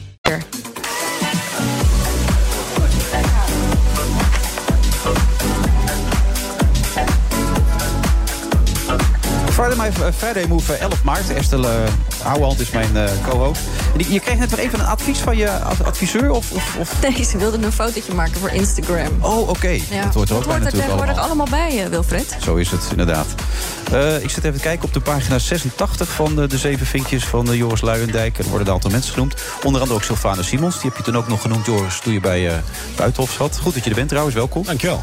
En hier staat ook Esther Ouwehand van de Partij voor de Dieren... is het arbeidersdochter zonder diploma van de universiteit. Ja, klopt, als een bus. Ja, maar dat is wat je net vertelt. Het had wel gekund, maar opeens ging je werken. En die was er bijna. En... Nou, ik, ik heb wel mijn best gedaan, maar ja, ik heb uiteindelijk niet... eh, ik ben niet afgestudeerd, ik heb die scriptie nooit geschreven. Dus dan, Nee. ja, dan telt het gewoon niet. Nee, ik schrijf Nou, het interessante is, eh, je ziet dus bijvoorbeeld eh, Paul Witteman... Josias van Aartsen, Charles Groenhuizen. Dat zijn dus allemaal mannen die niet zijn afgestudeerd. Nee, ik las als je- eh, Jeroen Pauw, die is niet eens verder gegaan. Als je dus eh, uit een zogenaamd goed milieu komt... en je bent een man en je bent wit, dan maakt het niet uit. Maar heb je andere vinkjes, ben je een vrouw, ben je van kleur... dan is dat je, als je het niet afmaakt, is eigenlijk bewijs dat je niet mee kan. Dat is echt heel opvallend. En hoe het wordt gezien, hè? niet door mij, maar in het algemeen. Dus dit, het is echt arbeiderszoons die niet afstuderen. Ja, komen tekort. Josias van Aartsen, die niet van de VVD niet afstudeert. Josias wordt gewoon burgemeester van Amsterdam, hè? uit. Maar Esther doet toch hartstikke goed, ondanks dat? Nou, ik denk juist. Ik denk dus juist, want wat er gebeurt is als je bijvoorbeeld geen universiteit hebt, dan ben je dus daar kwetsbaar. Dan kan je daarop worden gepakt. En ik denk dat de ervaring met kwetsbaarheid eigenlijk een heel belangrijke eh, onderdeel is van je persoonlijkheid. En het, ik heb dit boek geschreven, De Zeven Vinkjes, omdat mannen zoals ik kunnen geen ervaring hebben met kwetsbaarheid. Want zeik mij maar eens af. Weet je, zet mij maar eens in een hoek. Ik heb gymnasium, ik heb universiteit, ik ben man, wit, hetero. Ik heb de Nederlandse cultuur. Mijn ouders waren. geen humor. Oh, ik heb ook nog eens geen humor. Eh, en mijn ouders waren ook nog eens hoog opgeleid. En dus hoe zou ik me ooit kwetsbaar moeten voelen? Het punt is, mijn soort mannen zijn de baas. Vijf van de zes premiers, acht van de tien ministers van Justitie... de laatste drie hoofdredacteuren van de Volkskrant... de baas van de IVD, de RIVM. Ik kan de rest van de uitzending vullen met ja, namen nee, van ik heb het boekje gelezen wat dat betreft, eh, Joris. En Ja, ik moet zeggen, maar met 3 procent. Ja. En toch bepalen we alles met z'n allen. Nou- want, oh, ik zeg we, want ik heb zes vinkjes, hè, voor de duidelijkheid. Ben ik daar wel eh, eh, oké om dit programma te presenteren? Of? Nou, ik denk dus juist dat vinkje wat jij niet hebt... want ik kwam al inderdaad ook het interview tegen waar je erover vertelt. Ik, over- ik sta er niet in trouwens. Ik ben de enige die er niet in staat. Je bent, van alle mensen. bent gesneuveld, eh, Ja. Wilfred. Maar ik kwam het interview tegen waarin jij vertelde... Van dat je eigenlijk als enige in je buurt naar het gymnasium ging... en dat er dan vriendjes bij je aanbelden die zeiden... we vinden het ontzettend stom dat Wilfried naar het gymnasium gaat... en we denken niet dat hij het gaat redden. Ja, nee, die vriend was ik voor altijd kwijt. Ja. En dat is nou een ervaring die dus Wopke Hoekstra niet heeft. Die Mark Rutte niet heeft. Die Lodewijk Asscher niet heeft. Die Joris Luijendijk niet heeft. En ik denk dus dat dat is een vormende ervaring die jou beter maakt. Maar het gekke is, hij werkt tegen je. Dus uh, wat je merkt bij. Uh, jij bent een klassenmigrant. Jij bent als eerste in je familie door gaan studeren. Ja. Dat klassenmigranten. het boek, hè, voor de duidelijkheid. Ja. ja klassenmigranten is, die gaan heel vaak dus anders praten om erbij te horen. Dus die praten anders met hun ouders dan op hun werk. Ik praat op dezelfde manier met mijn ouders. En wat klassenmigranten mij dan vertellen, is dan zijn ze dus op bezoek bij hun ouders. Dan gaat de telefoon van hun werk. En dan loopt de klassenmigrant even naar buiten, omdat ze het gênant vinden om te praten zoals ze praten op hun werk, met hun ouders erbij. En volgens mij, dat is dus een ervaring die je, die, die je dus eigenlijk toegang geeft tot de ervaring die ook allerlei andere groepen hebben. Die, die, die beseffen, ik moet me aanpassen om erbij te horen. Nou, er is één groep die hoeft zich niet aan te passen. Die weet dus niet hoe dat voelt. Nee, en daar ben jij een die van. Maken we nou juist de baas van ons land. Ja, want je, in, het boek komen er echt zoveel namen voorbij die daar inderdaad aan voldoen. Dat zijn er echt heel ik veel, hè? heb eindeloos zitten bellen. En dat is ook echt fantastisch. Want dan had ik er weer eentje aan de lijn. Dan zegt ze: Ja, meneer Luijendijk, ja, ja, als u het zo zegt, dan heb ik inderdaad wel die zeven vinkjes. Ja, ja. Maar eh, ik heb drie jaar in Groningen gewoond en toen ben ik gepest. En. Ja, dat is serieus, hè? Dat Dit, is ja. ook, ik ben ook gepest. Maar het is wel even wat anders dan je als vrouw in de mannenwereld invechten. Of als LHBTI in een hetero-wereld. Of als persoon van kleur in een witte wereld. Of als arbeidsmigrant in de wereld van de hoogopgeleide middenklasse. Of met een andere cultuur. Ja. En dus dat vind ik zo apart. Dat we- nu je dit boek geschreven hebt, weet je hoe het is om aangepakt te worden. Daar komt het eigenlijk een beetje Nou ja, het is wel zo dat als je dus je eh, privileges benoemt, echt benoemt en zegt van dit is een probleem, Nederland is niet eerlijk. En ik heb er ontzettend van geprofiteerd. Eh, maar we, volgens mij eh, moeten we er echt iets aan doen. En misschien kan ik helpen om mannen zoals ik zelf heel voorzichtig wakker te kussen. Eh, dan, dan eh, ja, daar hebben we eigenlijk nog geen taal voor. Maar er zijn genoeg mensen die boos over jou, op jou zijn nu. Op dit moment lijkt het wel. Alsof je de boel verraadt en zo. Dat, dat lijkt Nou, ja, die zijn, dat zijn inderdaad, dat zijn ook. En sommigen hebben gelijk. Weet je, als jij, zeg maar, je roept al 30 jaar brand. Je hebt overal brandwonden. En je weet ook kan zo aanwijzen hoe je in je carrière kansen niet hebt gekregen omdat je hebt geroepen brand. En dan komt er een gast die zegt op mijn vijftigste: Oh, ik heb het nu ook door. Hmm. Dat je eerste reactie is dan. Pat! Tegen je wang, kan ik heel goed voorstellen. Ja, dus het vind- Arjen Lubach effect heb je op het gegeven moment er ook over, toch? Als het over de Oeigoeren gaat bijvoorbeeld. Nou, wat het Arjen Lubach effect is, is dus dat, ehm, en dat kunnen, heb- hebben veel mensen met andere vinkjes bevestigd, is dat zij kunnen iets zeggen. En vervolgens in de vergadering wordt het herhaald door een man zoals ik, een man zoals Arjen Lubach. En opeens zegt iedereen, oh, daar zit wat in. En het, ik heb het geleerd van eh, Sahil Amar Issa van BNN-Vara... die dus heel lang pleitte voor een item over de Oeigoeren... De, de moslims in China die zo afschuwelijk worden onderdrukt. En iedereen zo... Ah, eh. En dan doet Arjen Lubach een item over... en diezelfde mensen komen op hem af en zeggen... nou, die Oeigoeren, maar zo goed van Arjen Lubach. Ja. En dit is dus geen kritiek op Arjen Lubach. Het is kritiek op de neiging om iets serieuzer te nemen... als het uit de mond komt van iemand als Joris Luijendijk... Wopke Hoekstra, Mark Rutte en dat soort figuren. Hoe komt dit op jou over eigenlijk? Heb je het gelezen, het boek al of nog Ik heb het boek niet gelezen, wel eh, de interviews en eh, de discussie gezien. En ja, ik denk dat we allemaal ehm, op een of andere manier blinde vlekken hebben. En ik denk dat Joris een bijdrage probeert te leveren aan eh, dat we bewust worden. Eh, in navolging van inderdaad de mensen die het vanuit een positie hebben gedaan die, waarin ze niet gehoord werden. Eh, en ik denk dat alle bijdragen om ons bewust te worden van hoe dat nou werkt. En hoe dat ook een machtsdynamiek versterkt, dat dat helpt. Maar ik vond ook wel mooi wat Sylvana Simons in Buitenhof zei: dat het vooral gaat over. Ehm, dat kennelijk eh, die mannen op die machtsposities hele grote moeite hebben om gewoon even aan te nemen als ze een ander verhaal voorgeschoteld krijgen. Dus als je vertelt over de armoede in Nederland, ze hebben dat zelf nooit meegemaakt. Dat hoeft niet, maar Mhm. je kan er wel open voor staan. Ik denk dat dat een heel belangrijke dynamiek is. La- zorg gewoon dat je open staat voor de verhalen die mensen vertellen. En zeggen, maar ik heb geen kansen gehad en ik word hier gediscrimineerd en ik leefde daar in armoede. En zo is dat en zo word je beperkt. Die openheid moeten we hebben met Maar wat was de reactie van Twan Huis dan de reactie die hoort bij die groep mannen? Nou, het is... In het programma Buitenhof. Ja, dat, dat, dat, dat, eh, in de media is iedereen heel erg bezig met dat programma... omdat Ja. ik er nogal onderuit werd geschoffeld. Maar 17 miljoen mensen hebben dat ook helemaal niet gezien. Maar ik, ik denk dat ehm, wanneer je dus ehm, de prioriteiten stelt... het beleid maakt voor groepen waar je zelf helemaal geen contact mee hebt. Weet je, in, de, in de toeslagenschandaal... dat mijn soort mannen meteen toeslagenaffaire zijn genoemd... toeslagenschandaal zitten geen mannen zoals ik. Wij kennen de weg in de bureau- overheidsbureaucratie. En mijn soort mannen eh, bepalen het, maar mijn soort mannen vormen ook een soort onzichtbare norm. Dus als je erbij wil horen, moet je gaan proberen te praten als Joris Luijendijk, je te kleden als Joris Luijendijk. Dan ga je verbergen dat je vader buschauffeur was. Op. Ik, ik kom dan voor, voor mijn boek kom ik bij ministeries of bedrijven. Je komt op de begane grond, super divers. Zowel hoe mensen eruit zien, maar ook hoe ze praten. Je hoort dialect, je hoort plat. Dan neem je de lift naar boven. En met iedere verdieping lijken mensen meer op mij. En dat is omdat vooral mensen zoals ik worden aangenomen. Maar ook omdat dus de arbeiderskinderen denken van... oh, ik ga maar verbergen dat ik eigenlijk eh, waar ik vandaan kom. En ik ga maar anders praten, ik ga me maar anders kleden. En die aanpassing, die, die afgedwongen aanpassing... die, eh, die eh, veroorzaakt ontzettend veel pijn. En ik krijg dus nu heel veel reacties van mensen die zeggen... ik heb het huilend gelezen omdat ik die pijn van die aanpassing eigenlijk voel. Nu, het is alsof ik hem mag voelen, omdat een soort Arjen Lubach effect optreedt. Als jij het zegt als, als echt representant, als vlees geworden Nederlandse elite, dan is het alsof, het alsof er een soort luikje open gaat. Dus voor hen is het helend. Maar ik hoor dus ook van drie vrouwen al die zeggen: Ik heb mijn mislukte huwelijk geïnterpreteerd. Want dat was met een klassenmigrant. En ik besef nu hoe ik hem heb vernederd. Door de hele tijd hem eigenlijk te corrigeren op zijn taal. Door hem te verwijten dat hij onzeker was te midden van mijn middenklassevrienden. Dus het boek landt ook heel verschillend, omdat mensen natuurlijk. Dit gaat over iedereen. Iedereen heeft een nest, een lichaam en een opleiding. En het is dus, ja, als je twee vinkjes hebt, dan is het heel anders dan wanneer je er zes hebt. Zullen we even doorpraten zo meteen? Dus hartstikke interessant, toch? Nog even Ja, zeker. Tot zo. Ja. 1 juni opent Landal Greenparks vakantiepark de Strabrechtse Venne in Zomeren haar deuren. Vakantiewoningen op eigen grond aan of nabij het water met een solide rendement. Benieuwd naar de mogelijkheden? Ga naar investereninbrabant.nl. De Friday Move wordt mede mogelijk gemaakt door TUI en Europarks. Europarks, je perfecte vakantie of je eigen tweede huis. Blijf scherp. BNR Nieuwsradio. The Friday Move. Over twee weken, minder nog. En dan gaan we stoppen met 1G, dat is het testen voor toegang. Je bent wel bezig met gemeenteraadsverkiezingen? Nee. Maar tegelijkertijd zit de Russische krijgsmacht dik in de shit, laat ik het zo zeggen. Wilfred Gené. Ja, hoe gevaarlijk is het eigenlijk om zeven vinkjes te hebben?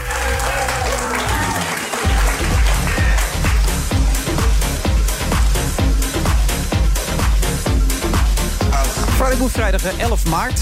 Eh, de dag waarop mijn vader eh, 85 zou zijn geworden, helaas. Hij is er niet meer, maar pa, mocht je luisteren, dan bij deze nog even. Hè? Ehm, Joris Luijendijk nog steeds hier aanwezig. En natuurlijk ook Esther Houwehand. We zijn druk bezig over het boek. Eh, en jij zei net iets over Buitenhof. Dat, dat ben ik, dat vond je niet fijn. Dat, dat kun je wel zo beschrijven, toch? Ja, voor, voor wie dat niet heeft gezien. Ik werd daar tegenover twee mensen gezet die het boek niet hadden gelezen. En daar wel kritiek herhaalde van anderen die het boek niet, ook niet hadden gelezen. Terwijl ik dacht dat ik daar mocht gaan vertellen wat ik in 2,5 jaar had bij Ja. elkaar bedacht. Lady Smit-Kroes, uh, Sylvana Simons. Dus dat was eventjes, dat was echt afschuwelijk, ja. Maar ik, ik, dat, dat zei ik net ook. Ik vond dat je dat goed deed. Je was kwetsbaar. Als die bon. Trouwens, later klopte dat verhaal toch wel over Nelly Smit-Kroes. Over die. Ja, maar ze hadden ervoor gekozen mij mee te, over, mij te, mee te overvallen. Ja. Uh, dus dat was echt niet leuk. Maar wat ik Je zei heel- over haar opvoeding en over haar taalgebruik. eh, En daarvan zei zij dus absoluut niet waar. Maar dat was, kwam wel uit een bron waar ze zelf dat had gesteld in een interview. Ja, toch? al kan je ook zeggen, ik had het nog steeds bij haar moeten checken. Dus ik had ook wel eigenlijk, denk ik, ergens een fout gemaakt. Wat ik heel heftig vond, is dat, weet je, als je 2,5 jaar werkt aan een boek en enorm veel research doet, eindeloos probeert het zo toegankelijk te maken dat iedereen het eh, in ieder geval kan lezen. En dan krijg je 40 seconden om te vertellen. En vervolgens stort ze een bak kritiek over je uit. Heb je gewoon als auteur heb je gewoon niet meer de kans om te vertellen wat je hebt uitgezocht. En dat dat bij de VPRO was. En we hebben, ik, met met wie ik zeven tegenlicht uitzendingen heb gemaakt. En twee seizoenen wintergasten, zomergasten. Dat die mij niet alleen voor de bus gooiden, maar zelf de bus bestuurden. Vervolgens niets meer lieten horen. Dat vond ik heel heftig. Van dat gevoel heb je echt gehad dat ze je voor de bus hebben gegooid. Dat dit moedwillig is geweest om jou te Oh, slachtoffer dat is precies wat ze deden. Ja. En die dachten gewoon, van, we gaan eens even scoren op Twitter. En eh, van de andere kant, op dat moment denk ik ook meteen... ja, maar ik word niet bedreigd. Eh Sylvana Simons, die, ik denk dat ik in de afgelopen vijf weken... minder over me heen heb gekregen dan Sylvana Simons in een dag. Ja. En ik ben een grote kerel. Dus als ik naar huis loop en ik zie iemand... dan denk ik niet meteen, oh jee, dat is iemand die mij op Twitter al dood heeft gewenst. Dus ik kom niet in de buurt van wat op dit moment bijvoorbeeld presentatrices van, van kleur meemaken. Die gewoon iedere keer als ze hun telefoon aanzetten na een uitzending, helemaal vol. Ja. En dat betekent dus ook dat als je het hebt over ontplooiing, dat gaat over canvas. Hè? Dus je maakt een soort, je schildert je leven op een doek. Hoe groot doek kies je? Een man zoals ik kan een groot doek kiezen, omdat er dus niet die dreiging is. Niet dreiging om, op je geslacht, niet op je seksuele identiteit, niet op je kleur. Je wordt niet belachelijk gemaakt om hoe je praat. Je hebt al de cultuur van de meerderheid. Geen wonder dat wij bovenin zo vaak daar zitten. Ook omdat boven ons weer mannen zitten die allemaal op zoek zijn naar een kopie van zichzelf. Maar dat is dus echt een probleem. Sowieso een probleem dat de, het land wordt beheerst door zo'n kleine groep. Maar die kleine groep mist dus ook de meest cruciale ervaring, vind ik, voor leiderschap. Namelijk ervaring met aanpassingsvermogen, incasseringsvermogen, improvisatievermogen, veerkracht, vechtlust. Die jij als klassemigrant wel had. Hè? Je vertelde net van dat jij was de eerste in acht jaar die naar het gymnasium ging. Dus ja, nou, het aparte was, de, de, de, directeur van die school... die had zijn zoon als laatste naar het gymnasium laten gaan. En mijn ouders waren op eigen initiatief trouwens... naar dat gymnasium toe gegaan, waren naar de rector toe gegaan... en die kwamen terug en die zeiden van... nou, volgens jouw cijfers kun je makkelijk naar het gymnasium. En ik merkte dat zij dat heel graag wilden, dus ik wilde eigenlijk met mijn vriendjes mee natuurlijk naar uh, VWO. En toen heb ik toch ja tegen mijn ouders gezegd. En toen zijn ze naar de directeur gegaan, die wilde het eerst niet hebben. Toen zei hij, oké, het mag het, maar hij mag het niet als zijn vrienden vertellen. Dus dat was in januari of februari. En ik mocht dus het hele schooljaar niet vertellen aan mijn klasgenoten... dat ik naar het gymnasium ging.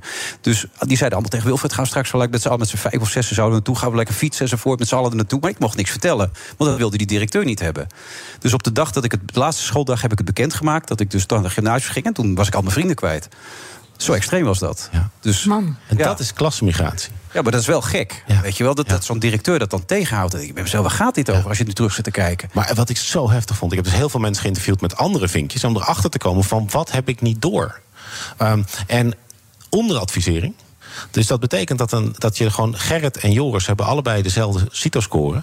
En Joris wordt een, een half schooltype hoger geadviseerd en gaat naar het gymnasium. Ja. En Gerrit een half schooltype lager. Ja, meester Jos. Had je, had je, ik mijn, mijn meester ja. Jos, ik had, ik had een slechte dag met mijn CITO-toets. Ik zou eigenlijk naar HAVO-VWO hebben, maar ik ben een typisch gymnasiumjongetje. Hij ziet dat en hij stuurt me naar het gymnasium. Maar meester Jos en ik delen ontzettend veel vinkjes.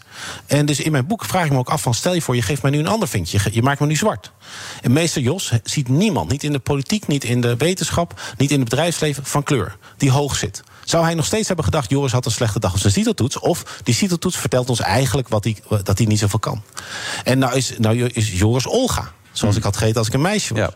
He? En dus, dus je, ik heb zoveel uh, kinderen uit de arbeidersklasse, boerenzoons en dochters en kinderen van, uh, mensen van kleur gesproken, die dus het hoogste CITO-score van de klas hadden. En gewoon zeiden: Ah, ga jij VMBO-kader doen? Um, en Ashraf gaat dat er ook doen, dat is leuk. En, en, weet je, we hebben meer mensen nodig die VMBO-techniek gaan doen. Hè. We hebben echt genoeg uh, antropologen en communicatiewetenschappers. Maar als jij een gymnasiumkind bent en je wordt er niet naartoe gestuurd, terwijl je wel die score had. En uh, je, die, de, een juf of een meester, als je elf bent. Ik weet ook nog hoe die heet. Weet je, dat is echt een belangrijk figuur. En die zegt tegen jou: nee, je kan het eigenlijk niet. Mm. Dat is een tik in, in, in mensen's nek. En dat, waarom is dit geen prioriteit? De afgelopen 20, 30 jaar in ons land. Waarom waren ook, is ook uh, de wachtlijst voor sociale huurwoningen... waardoor kinderen geen eigen slaapkamer hebben om hun huiswerk te maken? Waarom is bestrijding van discriminatie geen, uh, geen prioriteit? Volgens mij omdat de mannen die dit besluiten... die hierover gaan in de media, in de journalistiek... in het ambtelijk apparaat, openbaar bestuur... hebben zelf geen ervaring met ontmoediging, uitsluiting en achterstelling. Dit moet je aanspreken als ik jou zo zie knikken. Ja, ik denk dat het heel goed is om hier gewoon de schijnwerpers op te zetten. Want we zijn ons van heel veel dingen niet bewust, die wel heel veel uitmaken. Dus je kan wel uh, in de politiek zeggen: hey, er is sprake van grote ongelijkheid, er is sprake van achterstelling, sprake van racisme en discriminatie. Maar als je het niet kan hebben over al die mechanismen die daarachter zitten. Dus dat kinderen die wel kunnen leren uh, vanwege hun achtergrond niet het advies krijgen om ateneum of gymnasium te doen. Ja, daar moeten we ons bewust van worden. En we moeten die machtsdynamiek aanpakken. Dus ik ben blij met iedere bijdrage, uh, zoals deze van Joris, uh, um, dat we daar de schijnwerpers op zetten. Maar het is een heel grote opgave om die slag te maken, om dit allemaal te doorbreken. Maar jij zei dan ook tegen, tegen Twan, je, je bent niet geschikt om dit programma te presenteren, maar eigenlijk geldt het voor al die mensen die op die positie zitten. Maar die kun je toch niet allemaal gaan vervangen nu? Hoe zie je dat voor je dan? Nou ja, ik weet niet of, ze, of je ze moet vervangen, want het is echt een hele grote stap, denk ik, om tegen mensen te zeggen: maak eens plaats. Dat is een beetje alsof je ze tegen mensen zegt: oké, okay, je accepteert klimaatwetenschap. Van hier af aan stoot je helemaal geen CO2 meer uit. Mm -hmm. Maar wat je echt kan doen, is je kan een sleutelpersoon zijn. Zoals mijn meester Jos was een sleutelpersoon. Die zegt van, oké, okay, ik, ik, ik neem het risico voor een beslissing... om voor jou een poort open te doen. Ja. En ik heb met uh, een paar mensen gesproken... die hebben een hele nacht wakker gelegen... en die hebben in hun eigen leven de sleutelpersonen opgezocht. Die hebben gezegd, waar kreeg ik een kans? Wie zag in mij potentieel? We hebben het heel veel over kwaliteit, is, meestal is het potentieel. En wat mij opviel, is dat mijn uitgever die mij een kans gaf... Mijn, uh, degene die mij aannam bij de Volkskrant... en toen Egypte ging, oud-ambassadeur van Sudan... die met je gesproken heeft. Uh, en ook nog bij The Guardian allemaal mannen met zeven vinkjes. Mm. Dus waarom gaven die mij een kans? Omdat ze dus mij helemaal konden lezen. En dus ik denk dat. Dus, maar dus nu zeg je tegen die mannen met die zeven vinkjes: geef ook andere mensen dan die kans. Nou, wees een sleutelfiguur. En dan niet voor iemand die is zoals jij. Weet je, dus niet Rutte die Laurens Dasen gaat helpen. Want dat is het makkelijkste. Want die Mhm. mensen lijken helemaal op elkaar. Maar juist iemand met hele andere vinkjes. En ga die persoon gewoon sponsoren. Ga gewoon het risico van de benoeming op je nemen. Bijvoorbeeld Abigail Norville, de hoogste ambtenaar van kleur in het, bij het Rijk. Daar, zei van op een gegeven moment de hoogste baas bij het ministerie. Die zei: Ja, dat, dat, eh, die ervaring en dat cv dat zal wel helemaal niet kloppen. Maar ik denk dat jij juist iets kan toevoegen. En hij nam het risico van de benoeming op zich. En dus iedereen die hier naar luistert, kan zo'n sleutelfiguur zijn. Op scholen. Op, je ziet dus ook ondergeadviseerde kinderen die bijvoorbeeld vaak vertellen dat het dan de moeder of de vader van een vriendje was die ingreep. Maar er gaat dus wel ook angst ontstaan, Joris, denk ik, bij die mensen die op die positie Oh, zitten. En die met z'n allen de zaak dicht houden natuurlijk. Want- Oh, zeker. Want stel je voor, nu, wat we nu mannen zoals ik zeggen is... diversiteit is natuurlijk prima, maar het moet niet ten koste gaan van de kwaliteit. Nee. En dan is de volgende vraag, hoe definiëren we kwaliteit? Precies. En dan zeggen ze, nou, dat is eh, VWO Gymnasium... dat is eh, een, jaar, eh, een tijdje in het buitenland studeren... iets naast je studie doen, in je studentenvereniging... een tweede studie misschien, en zichtbaarheid. Makkelijk het woord nemen, makkelijk het woord houden. Dus met andere woorden, middenklasse, een middenklasse-achtergrond... en een man zijn. En nu zeg je nee, wat, wat de leiderschapskwaliteit van de toekomst... is dat je om kan gaan met verschil. En niet altijd met omgaat met verschil vanuit een dominante positie.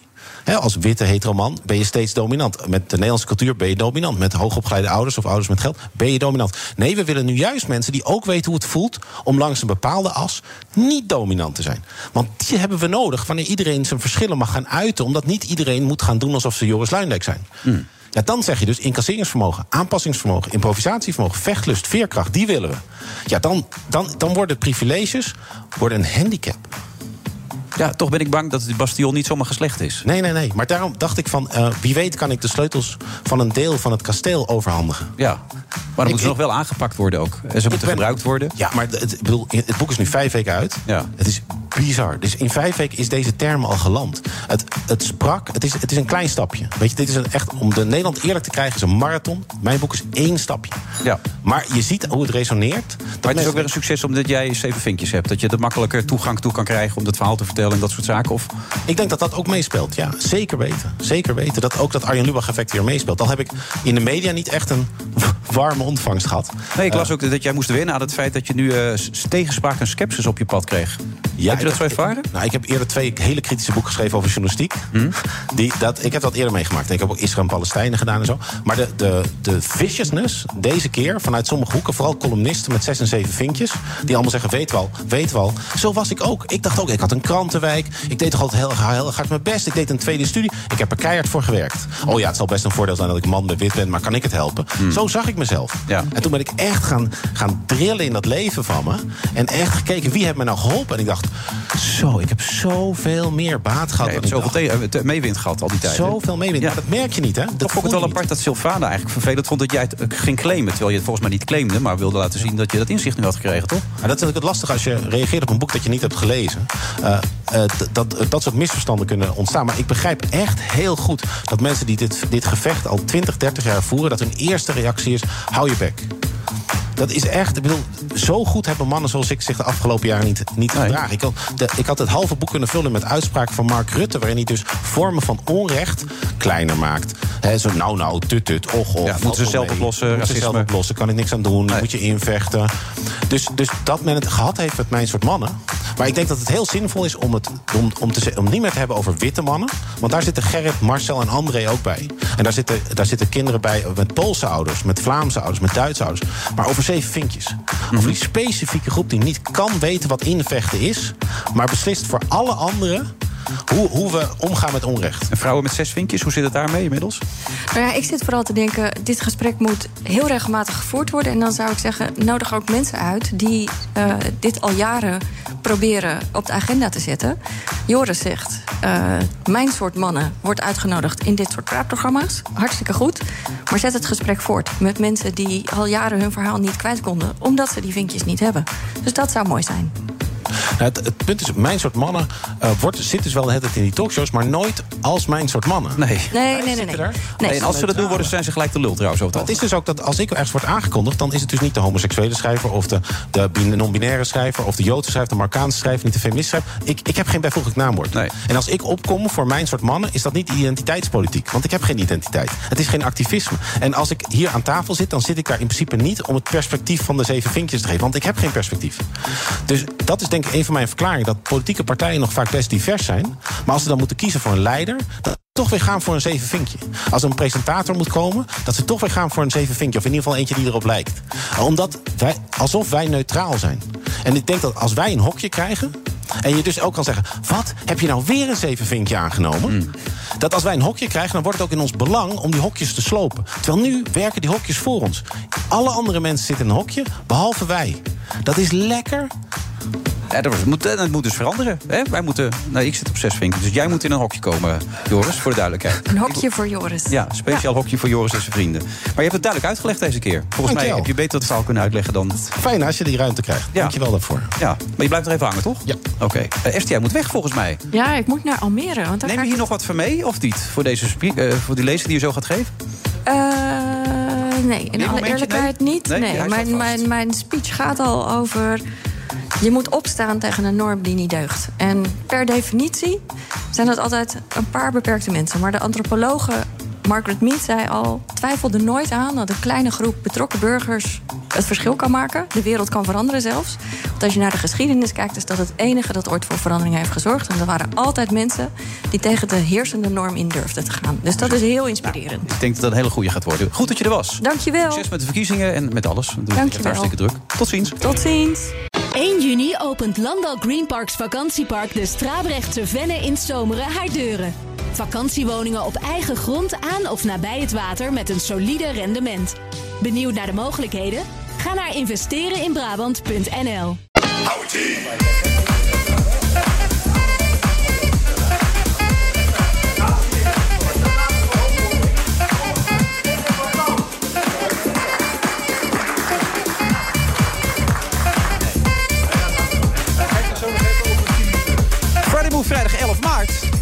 Bernard Handelburg, hij had er zo graag bij kunnen zijn. Maar Bernard, wat is er nou een beetje gebeurd? Wat is er aan de hand?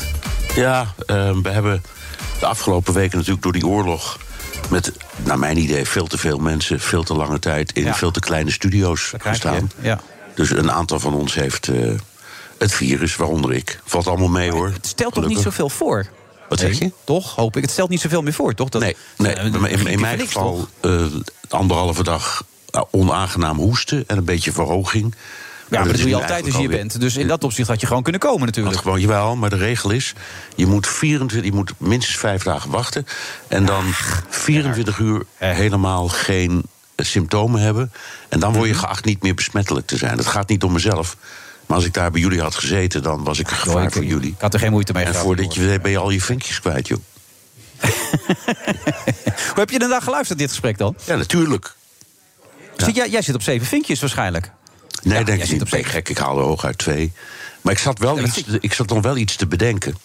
Eh, in, de so- in sollicitatieprocedures tegenwoordig is het bijna altijd zo dat mensen die solliciteren, die, die doen dat met een tegen een computer. Die, niet bij iemand. Eh, je, moet, je moet eh, bestanden invullen. En dan, ja, weet ik veel, dat wordt dan door metadata wordt dat, eh, gecheckt. En dan krijg je te horen of je wel of niet eh, in aanmerking komt. En in 9 van 10 gevallen is dat niet het geval. En hoe weet ik dat nou? Ik ken iemand in de ICT-wereld waar het helemaal zo werkt. En eh, die zei: Als ik een sollicitant hoor, als ik eh, iemand hoor die wil solliciteren, dan ga ik altijd met hem praten. Je weet maar nooit. En dat is zeer uitzonderlijk aan het worden. Oh, en volgens mij is dat een, ook een enorme blokkade in de ontplooiing van mensen. Maar er worden eigenlijk gewoon, als die zeven vinkjes in het eh, verhaal staan, dan ben je al binnen zo'n beetje. Ja, dan ben je binnen. Maar goed, het gaat om die mensen die ze misschien wel of misschien niet hebben. Maar in elk geval, het, het, het zijn, ze zijn anoniem in, in deze positie. Het zijn geen mensen meer, maar het zijn gewoon, ja, eh, weet ik wat, anonieme nulletjes en eentjes die via een computer solliciteren op een baan. Oh, oké. Nou, duidelijk allemaal. Het is echt Ondertussen, waar hoor. Het is, een, het is een hele wereld. Je moet er maar eens induiken. Maar je weet, het is echt een enorme wereld. Maar geloof je in deze verandering die Joris bepleit? Ehm, dat, dat de sleutels moeten over worden gegeven aan dit soort mannen en dat die er ook wat mee moeten gaan doen? Eh, de- nou ja, ik, ik ben het er helemaal mee eens. Alleen ik betwijfel of het lukt, laat ik het zo zeggen. Omdat het is wel een bastion dat je moet bestrijden. En ik weet niet of dat meegeeft. Nee, dat is mijn vrees ook een beetje, Joris. Ja. Nou, ik denk dat, dat op dit moment mannen zoals ik denken van... nou, weet je, alles blijft hetzelfde. Alleen sommige Joris Luindijk zitten voortaan in een vrouwenlichaam. Sommige Joris Luindijk zitten soms, soms uh, voortaan in een LHBT-lichaam... en sommige een gekleurd lichaam. Nou, dat is geen probleem. Wat ze gaan ontdekken, is dat ze dus echt op een andere manier zich moeten gaan gedragen. En nu worden vrouwen op een cursus ruimte nemen gestuurd. Maar de volgende stap is dat mannen op een cursus ruimte geven. Dat ze moeten leren zwijgen bij vergaderingen. En iemand die ik goed ken, die, die nam afscheid ergens omdat ze echt het helemaal had gehad. En die kreeg een gouden opscheplepel. En dat was een soort grapje van je moet beter leren opscheppen over hoe goed je het doet. Want eh, nu word je zo gefrustreerd. En toen zei ze van ja, dit is precies waarom ik wegga. Jullie willen dat ik net zo'n mannetje word zoals zij, zoals jullie zijn. Maar jullie moeten eens een keer wat ruimte gaan geven aan andere leiderschapstijlen. Nou, als mannen zoals ik gaan doorhebben dat dus ons cv eigenlijk tegen ons werkt. Want de vraag is, ja, maar waar heb jij dan afgeweken van de verwachtingen van je jeugd? Waar heb jij, wat jij, Wilfred, hebt gedaan, dat je echt moet gaan knokken om naar een andere school te gaan dan je omgeving verwacht? Waar, en ik kan alleen maar zeggen, ja, nergens. Mijn moeder gaf Nederlands, mijn vader was psycholoog en ik verdien nu mijn geld door mensen te interviewen en daar boeken over te schrijven. Ja. Dat is opeens heel anders dan, Joris, wat kunnen we makkelijk met jou, want je lijkt in alles op ons. Dus ik denk dat de echte, de echte verzet van mannen zoals ik gaat nog komen. Maar vergeet niet, je hebt meer dan zeven vintjes. dus bijvoorbeeld, uh, bijvoorbeeld Bernard, ik denk dat, dat jij hebt een Joodse achtergrond. Dat, die, uh, maakt niet uit hoeveel vintjes je hebt. Het idee dat jij niet uh, zo, zo helaas zo iets zou hebben gevoeld van, van kwetsbaarheid op, op een groepsidentiteit. En zo heb je natuurlijk nog meer. Je hebt gezondheid, je hebt ja, andere. Dus als je denk ik lang genoeg doorgaat bij iemand met zeven vinkjes, zal je iets vinden waar die persoon echt wel ook kwetsbaar, kwetsbaarheid Zeker, zeker. Dat is ook absoluut een feit. Um, ja. Alleen wat ik ook doe, uh, Joris, ik, ik vergelijk natuurlijk wat, het, wat in jouw boek staat en wat allemaal hier speelt met het andere deel van, van de wereld waar ik ook in leef, in de Verenigde Staten. Daar zou niemand ook maar iets van deze redenering begrijpen, zelfs. Ja. Uh, want dat is nog steeds een top-down maatschappij met bazen en knechten. Uh, waar dingen als vergaderen of overleggen gewoon niet voorkomen. Um, en waar je gewoon maar hebt te doen wat je wordt opgedragen. Ja, en, niemand, en niemand heeft enige belangstelling voor, voor achtergrond of wat dan ook. Nul. Nee. Maar om over Rusland nog maar te zwijgen, om daar toch even naartoe te gaan. Met een leider die natuurlijk helemaal nergens meer voor open staat. Want die onderhandelingen, dat was voor de Forum toch van de week, uh, Bernard? Ja, dat denk ik wel. Uh, en bovendien Lavrov, dus de minister van Buitenlandse Zaken... die die onderhandelingen heeft gevoerd, is natuurlijk gewoon een loopjongen. Ja, het wordt, het wordt pas interessant dat, dat als, als Poetin... Heeft. Wat zeg je? Dat die ook nog zei dat Rusland niet de aanvaller was. Hè? Dat ze niet. Uh, nee, waren slachtoffer. Ja, ja. ja. Nou ja, en, en wat zich op dit moment afspeelt, echt nu op dit eigenste ogenblik, is wat in de, in de Veiligheidsraad van de Verenigde Naties, waar de, de Russische ambassadeur net, uh, die, die, die had dus een bijeenkomst gevraagd en die heeft daar net een uh, resolutie gevraagd ter veroordeling van de westerse landen en zeker Oekraïne, maar in het bijzonder Amerika, omdat in Oekraïne worden, wordt gewerkt aan biologische en chemische wapens. Ja, daar komen ze Het wordt allemaal, ge, wordt allemaal gefinancierd door uh, de Amerikanen. En de Oekraïners die doen dat dan. En uh, nou, daar, hij zit daar dus met dat enorme verhaal. Niemand die er een jota van gelooft. Nee. Maar het is, het is wel apart hoor. Nou, maar we zitten toch naar een, een schouwspel te kijken wat, wat ze weer gaan niet bekend. Het is toch niet meer te volgen dit? Nee, nou, dat probeer dan toch. Uh, er was ook vandaag een bericht dat de Wereldgezondheidsorganisatie het um, laboratorium in Oekraïne dat, dat net het, het, werk doet dat bijvoorbeeld bij ons het RIVM doet, hè, dus het onderzoeken van. Uh, uh, ja, van pathogenen, ja, dingen waar je ziek van wordt, dus zoals virussen. Om dat, om dat te sluiten omdat ze zeggen, als daar een bom opkomt... Ja, dan, kan het, dan kunnen er best van die enge ziektes ontsnappen. En mijn gevoel zegt dat uh, dit het verhaal is wat aansluit bij wat die Russen zeggen. Terwijl elk land in de wereld zo'n laboratorium heeft. En er zijn altijd van dat soort verdenkingen. Denk maar aan uh, de regering Trump, die eindeloos bezig is geweest met het uh, zoeken naar bewijs dat in Wuhan, in, in, in, een overigens Frankrijk gefinancierd laboratorium, dat daar dat, dat virus waar wij nu allemaal het slachtoffer van zijn, inclusief mijzelf, dat dat daar is uh, geproduceerd. Hmm. Nou, zo'n zo soort verhaal zit Rusland nu dus mee in de Veiligheidsraad van de Verenigde Naties. Nou, ja. En dat tekent een beetje de sfeer en ook hoe ver we af zijn van een oplossing. Ja, want even voor de duidelijkheid, Pieter Koblenz zat hier eerder. Eh, de, de troepen worden nu geformeerd rondom de stad ja, Kiev. Ik, ik hoorde hem, dat is natuurlijk, hij weet er meer van dan ik... maar het gaat erom die, die grote kolonne die, die uh, aan het oprukken was en nu is gesplitst. En waarschijnlijk eh, eh, Kiev omsingeld. Ja. En dan is de dan, grote eh, vraag wat ze gaan doen. Ja, ja, dan gaan ze langdurig beschietingen uitvoeren. Ja, dat kan. Dat kan, zoals ze in, in Grozny hebben gedaan en in Aleppo hebben gedaan. Maar het kan ook zijn dat ze dat niet doen en het bij wijze van spreken uithongeren. Want, want Kiev is ook voor de Russen wel een hele bijzondere stad. Het, het is een heilige stad. eh, Het heeft, te maken met de ontstaansgeschiedenis van de, Ru- de, Orthodox-Russische kerk. Dus ehm, ik, ik weet niet of ze dat durven, kunnen, willen.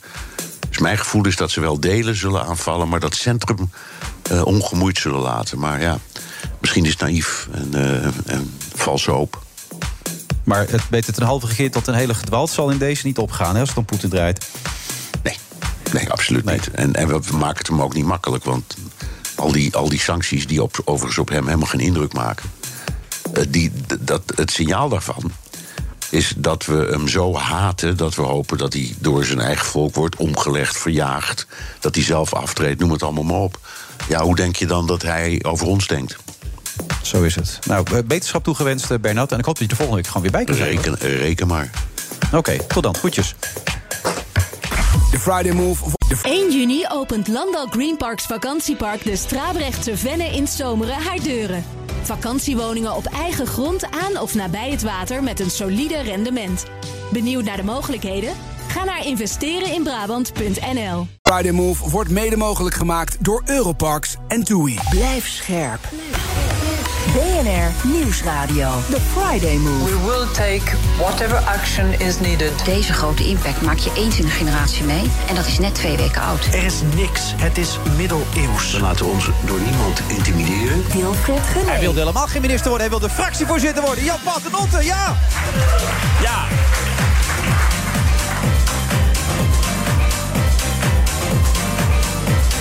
Goed dat je er bent, Jan. Dank je. Ja. Ik vind het goed hier te zijn. Het, eh, het uitzicht is wel, we zitten op de eerste verdieping nu. Ja. Normaal zie je heel Amsterdam. En nu eh, zien we het Amrad Hotel. Het is een beetje het En, de- en het. Chinees restaurant, wat ook vroeger wel de Bami-boot werd genoemd. Ja, en vroeger had je ook een heel goed restaurant boven dat Samhout. eh, maar dat kende je niet waarschijnlijk. Ik ga niet zoveel naar hele goede restaurants. Nee? Waarom Nee. niet? Ja, geen tijd. Geen tijd? Nee, nee ja, dit, dit, is, eh, dat, dat, we- dat weten heel veel mensen niet. Maar eh, je moet best hard werken in de Tweede Kamer. En ik, heb, eh, ik ben gewoon heel veel thuis. Want ik heb, eh, ik heb een dochtertje van zes en van één. Eh, ja, die, eh, als je dan, eh, ja, als je dan s'avonds uitgebreid uit eten wilt gaan... dan zitten ze de hele avond met een oppas. Ja, dat is ook niet leuk. Je bent een goede vader. Dat is goed om te horen. hey, zeven vinkjes toch, Joris? Hij heeft zeven vinkjes. Ik heb hem nagetrokken. Niet voor deze uitzending, maar voor het boek. Ja. Zo eervol dat dat voor een boek is nagetrokken. Ja, zo belangrijk ben je al. Maar ja, je bent dus bij uitstek in mijn theorie ongeschikt voor je werk. Ja. Volgens dit boek moet je even lezen. Ben je de nee, ik, heb, man? ik, heb, ik heb tot nu toe veel over het boek gelezen. Ik heb het nog niet eh, zelf gelezen. En ik weet niet of, eh, of, of de, ja, de, de, de, theo- de these die Joris net poneert... of dat me nou eh, enthousiaster maakt. Maar de essentie is dat je totaal het inlevingsvermogen niet kan hebben om te weten hoe het is. Wat, wat heel, veel- al heel veel andere mensen wel geldt. Daar komt het een beetje op neer. Nou, wat, hij eh, poneert, dat, eh, waar, je, waar tegenaan loopt als je eh, bijvoorbeeld de dominante cultuur niet van huis uit meekrijgt. Of als ja, je ouders je niet beschermen tegen onderadvisering op de basisschool. Dat herken ik natuurlijk wel. En dan niet uit mijn eigen ervaring, maar wel aan wat je om je heen ziet. Kijk, dat, dat, en dat, dat is om nou te zeggen van als je zelf niet iets hebt meegemaakt, kan je er niet over meepraten. Ja, wat je, wat je nodig hebt, is dat je goed kan luisteren en, en snappen wat andere mensen meemaken, dat je er ook iets aan wilt doen. Is dat zo? Werkt dat zo? Want ik, ik kan me herinneren, in de, in een paar jaar geleden... zei Ruud Gullit op een gegeven moment... als je niet weet waar het over gaat, praat er dan ook niet over. Zeg dan ook niet. Geef er niet een mening over alsof je weet dat je het weet hoe het zit. Ja, maar dan, dan ben je natuurlijk op zich snel klaar. Hè? Dan, eh, eh, kijk, er zijn heel veel mensen in Nederland die hebben allemaal een andere ervaring. Als je eh, gehandicapt rondloopt, dan heb je met heel veel andere dingen te maken dan als je bijvoorbeeld een donkere huidskleur hebt en eh, dus ja, in die zin een uitzondering in Nederland bent. En te maken met vooroordelen of de manier waarop je wordt aangekeken. Maar ja, ik, ik, als ik iemand spreek die eh, mij zegt, ja, ik woon in Nederland, Surinaamse afkomst. eh, ik, hoor, ik vind dat ik hier erbij hoor, maar het eerste wat ik ochtends in de spiegel zie, dat is mijn huidskleur. Omdat ik gewoon weet dat ik de hele dag aangekeken word met van hé, hey, dat valt op. Ja, dat, dat, dat maak ik zelf inderdaad niet mee. Dat maak jij inderdaad niet mee. Maar uiteindelijk ben je weer fractievoorzitter geworden. Maar als je, als je een land samen wil bouwen, dan kunnen we niet zeggen dat ik daar dan nooit iets over mag zeggen. Of niks mag doen tegen discriminatie of tegen racisme. Dat dat dan exclusief iets moet zijn van mensen die dat zelf meemaken. Want dan, dan houdt het op. Je moet juist er voor elkaar zijn. Nou, daar ben ik het helemaal mee eens. Eh, maar ik denk bijvoorbeeld, eh, als je het hebt over dat nu één op de zes volwassenen laaggeletterd is. Gewoon 1 op de 6. Hè? Dag kansengelijkheid voor hun kinderen. Waarom is dat geen prioriteit op dit moment? Nou, ik zal het je zeggen. Omdat de journalisten, de politici en de ambtenaren die erover gaan... die zijn niet laaggeletterd. Die hebben geen laaggeletterde familie. En die zitten er niet mee, net zoals ze niet, hun kinderen niet ondergeadviseerd worden. Want ze horen allemaal bij de hoogopgeleide of de welgestelde elite. En dus het, dit is geen praatclub. Het gaat niet om wie wat mag zeggen, welk woord. Het gaat om prioriteiten in beleid. Joris, als wij één ding eh, hebben gezegd van dat vinden we het allerbelangrijkst, dan is het kansengelijkheid bij de vorige campagne. We hebben nu eh, gaat het kabinet bijna 5 miljard euro extra in het onderwijs steken. En het belangrijkste doel daarmee is zeggen we willen een, een schooldag waarbij er een, een lunch is, waarbij er na afloop ook nog sport, cultuuraanbod is. Allemaal vanuit het idee dat er heel veel ouders zijn die het geld hebben om een kind daarna naar muziekles of naar sport of naar andere klasjes te sturen en anderen die dat niet hebben. En dat je dat bij elkaar wilt brengen. Dat iedereen dat op de school kan vinden. Dat heeft als doel om de kansengelijkheid te verbeteren. Dus ja, dan denk ik, volgens mij is dat een prioriteit. In ieder geval, wij hebben het ervan willen maken. Maar dat gaat niet over laaggeletterdheid. Nou, dat gaat in ieder geval om het voorkomen van, eh, van achterstanden. 1 op de 6 volwassenen in Nederland op dit moment laaggeletterd. En als je kijkt naar de bedragen die daar worden, voor worden uitgetrokken. Het is, echt, het is gewoon geen prioriteit. En dat is, ja, als je ook kijkt naar de. Wat zou je willen? Nou, als je het ook bijvoorbeeld kijkt naar de inkeerregeling. Als jij dus heel lang geld steelt van de fiscus door het in Zwitserland neer te zetten, dan is er een inkeerregeling. En het ministerie van Financiën zegt dan van, nou, weet je, als je nou erachter komt dat het eigenlijk toch niet zo oké is, kom je tot inkeer. Nou, vergelijk dat hoe diezelfde belastingdienst omging in de toeslagenschandaal. En dan vraag je je af, hoe is groot is de kans dat iemand familie heeft die geld steelt van de fiscus door, het geld, door het in Zwitserland te zetten? En hoe groot bij financiën? En hoe groot is de kans dat iemand familie heeft bij die toeslagenschandaal? En dat is dus het probleem. Het gaat niet om wie wat over mag meepraten. Het gaat erom dat je dus een kaste hebt die de regels maakt voor de rest. En die kaste die heeft eigenlijk geen ervaring in die wereld waarvoor ze die regels maken. En dat Maar is een beetje wat. Ruud Gullit dus zei. Die zei, dus als je niet weet hoe het is om dat mee te maken... praten, uh, hebben we dan ook geen oordeel over. Nou, je kan natuurlijk wel eh, je proberen te, een bondgenoot te zijn. Maar ga niet voor andere mensen bepalen wat het betekent. Nou ja, wat jij net zegt is eh, dat, eh, dat er mensen zijn die dan ergens één keer eh, een fout administratief maken en daar keihard op worden afgerekend door eh, de autoriteit, de overheid, zonder inderdaad de kans om daar nog wat aan te doen. We hebben mijn fractiegenoot Hulia Kat. Eh, die heeft eh, net vorige week een, een wet behandeld in de Tweede Kamer, twee weken geleden. Die juist gaat over dat we wil dat één fout nooit een reden mag zijn waarom mensen bepaalde rechten verliezen. Dit is natuurlijk echt wel eh, iets wat eh, heel erg hard is binnengekomen. Dus je hebt volkomen gelijk. Alleen als je zegt dat daar niks aan gebeurt, dan denk ik dat je ook, ja, eh, misschien mij tekort, mij doe je daar niet tekort, maar misschien wel eh, al die fractiegenoten en al die andere Tweede Maar voel je Kamerleden die hier beledigd, als, als, als Joris zegt... je bent niet geschikt eigenlijk voor deze functie? Nou, kijk, ik, waar ik heel trots op ben is eh, dat ik. Ik ben nu fractievoorzitter en eh, ik, ik eh, ga trots als, eh, als zeven vinker eh, eh, door, de, door de Kamer nu, eh, dankzij het boek van Joris. Dat, eh, dat iedereen heeft het daar natuurlijk inderdaad over. Ik denk wel dat die diversiteit heel belangrijk is. Ik, eh, de, de fractie die ik nu mag leiden, dat is de, de meest diverse fractie die de Tweede Kamer ooit gehad heeft. Als je kijkt naar. Maar geleid door een Antilliaans, Surinaamse, Marokkaanse, Turkse achtergrond. eh, De eerste transgender in de geschiedenis van de Tweede Kamer. Maar geleid Die door een brengen- Ja, die geleid door een zevenvinker. Ja. dat klopt. Wel weer de eerste sinds. Want mijn voorgangers Sigrid Kaag en Rob Jetten waren dat dan weer niet. Eh, Dus op zich, als je de vraag stelt, zou, zou af en toe ook een zevenvinker nog een keer eh, dat, dat mogen doen? Nou, dan is het antwoord bij ons blijkbaar toch nog net wel. Hey, hey, minder dan 3% hè, de zeven vinkjes. Dus als zes van jullie negen leiders sinds 1966 waren het. Dus als we percentueel, percentueel kijken, heb je ergens in het jaar 2400, kom je weer eens aan de beurt. Ja, maar zes van de negen leiders, maar één van de laatste drie. Dus wat dat betreft zie je volgens mij wel een ontwikkeling. Vind je het echt leuk, Jan Paternotte? Want het is de eerste keer dat je hier met ons wil praten over je nieuwe baan. Eh, ja, ik vind het hartstikke leuk. En ik vind het ook leuk dat jullie Dat het meteen vanwege het ministerschappen, van, Voor een stuk van, ja, toch echt over, over eh, mijn hele persoon eh, meteen gaan hebben. Vanwege het ministerschap. Nou ja, dat het niet doorgaat. Dat moest je even verwerken natuurlijk. En toen, toen, toen voelde het moment hier om eindelijk weer eens aan te schuiven, toch? Ja, ik, vind het, ik vind het op zich, ik vind het oprecht, vind ik dit de, het mooiste wat je kan doen. Ja, toch? Ja. Ja.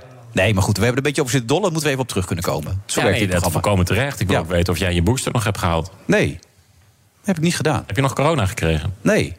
Oh. Nee, dit, Hou tot, tot afstand. ja, ja, er komen niet veel mensen bij in de buurt over het algemeen. Oh, van Dus Johan Derksen. Maar dat- Ja. nee.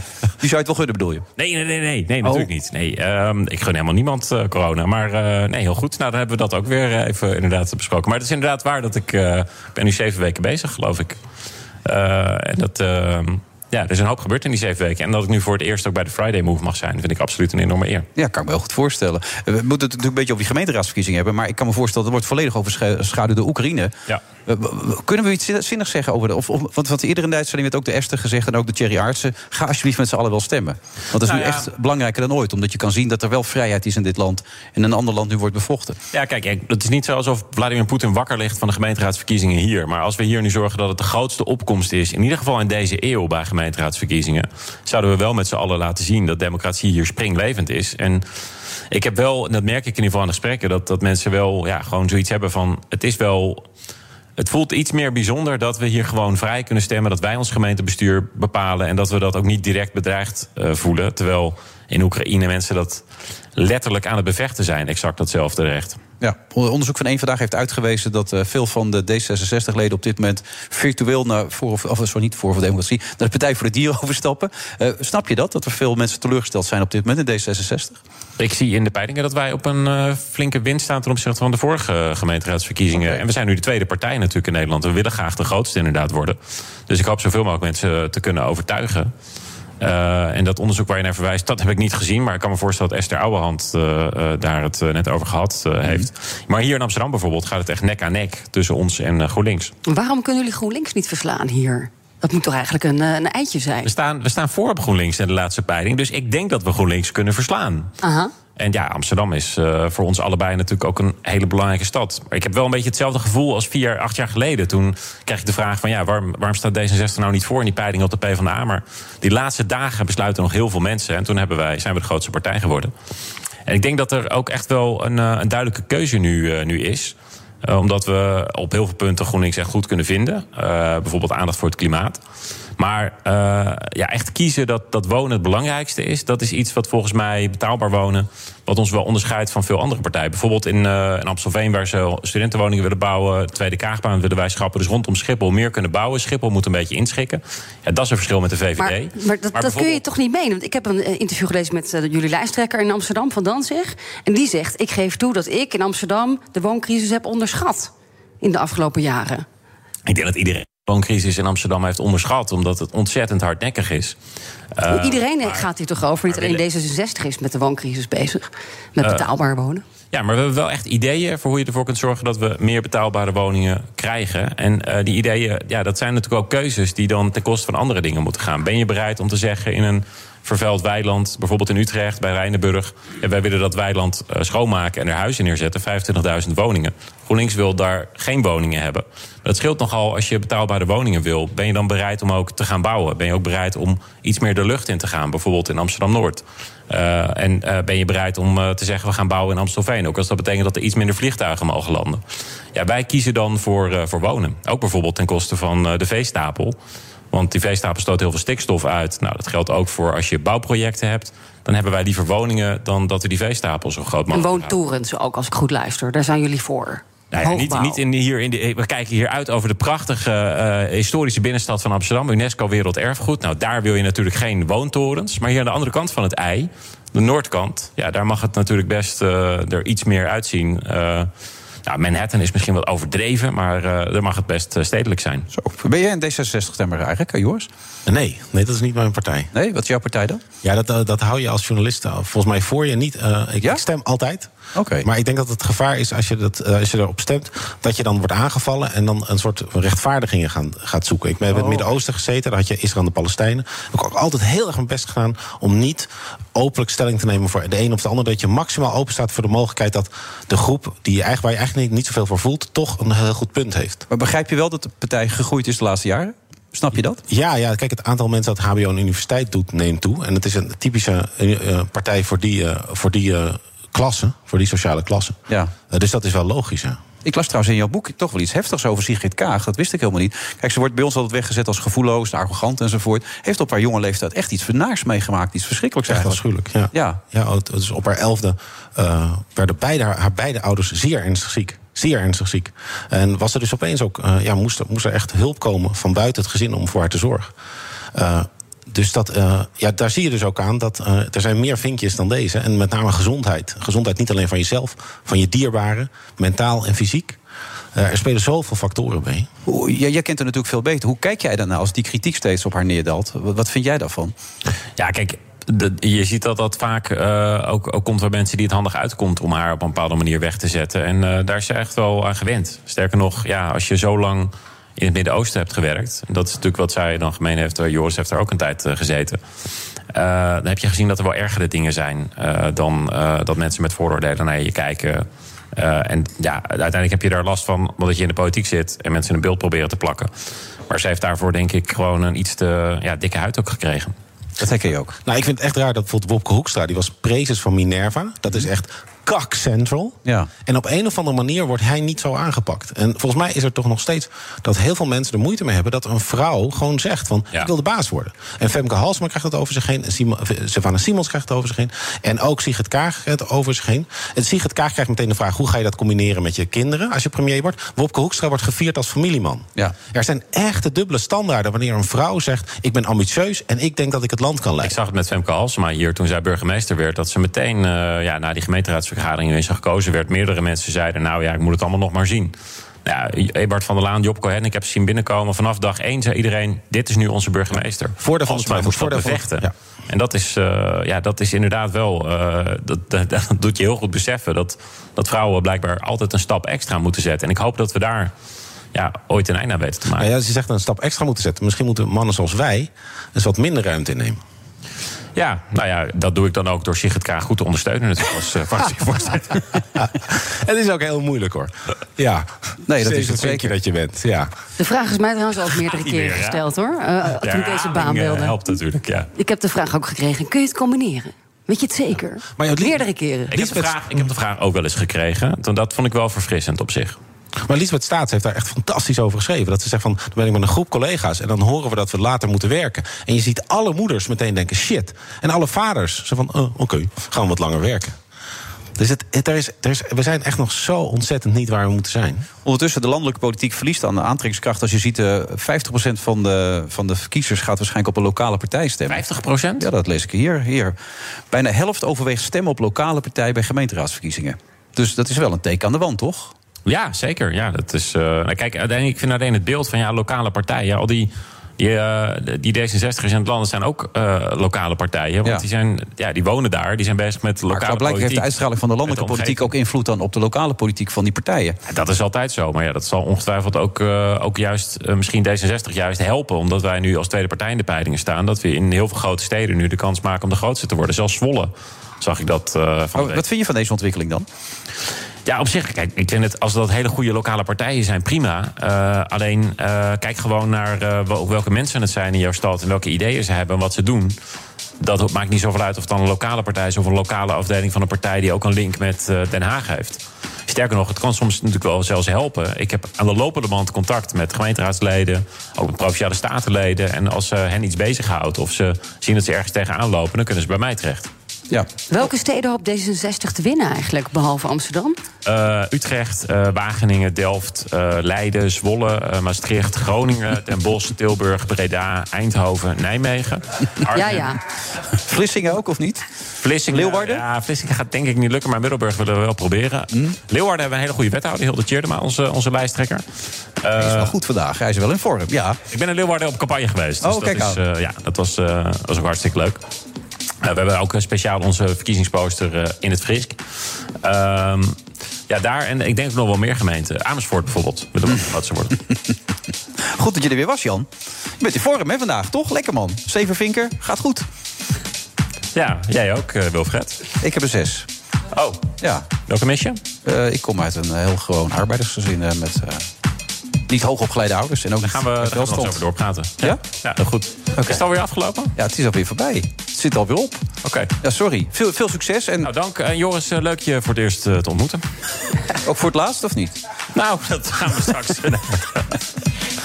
Joris, ook bedankt. Goed dat je er was. Dankjewel. Sophie ook. Wij zijn er volgende week weer met een nieuwe aflevering van de Friday Move. En dan zitten we volgens mij weer in de Sky Lounge. Ja, zitten we weer op niveau. Gaat ook het niveau van het programma omhoog weer. Moet je opletten. Tot volgende week. Heel goed.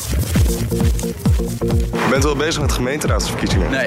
En daarmee behoudt China de, de balanceerkwaliteiten om te zeggen van nou, eh, de, we doen eigenlijk niet mee. Maar Rusland is ook niet per se uit op snel een stad innemen. Dit is een middeleeuws type belegering, maar dan met moderne middelen. Maar uiteindelijk neem je daarmee het risico dat je je hele geldsysteem opblaast. Maar tegelijkertijd zit de Russische krijgsmacht dik in de shit, laat ik het zo zeggen. Verder wordt er meer biogas ingezet en meer zonne-energie. China, dat grote machtige China, is natuurlijk ook het alternatief voor Rusland en de uitwijkplaats. De VN is, uh, is mij. Uh... And obviously, there's a lot of debate going on about uh, energy sanctions. And here, we should not make a mistake. Het is in ieder geval belangrijk dat, dat de diplomatie nog een kans krijgt. Maar we moeten er vooral niet te veel hoop op stellen. Dat betekent dus dat we, waar we misschien voor het conflict uitgingen van een afkoeling van de inflatie, dat die niet plaats gaat vinden. En dan moet hij er toch in, zou je zeggen. Een cadeautje van de Italiaanse doelman. En Benzema is degene die ervan profiteert. We will take whatever action is needed. We laten ons door niemand intimideren. Dus dat betekent dat de druk op woningen steeds groter wordt. Over twee weken, minder nog. En dan gaan we stoppen met 1G. Dat is testen voor toegang bij grote evenementen.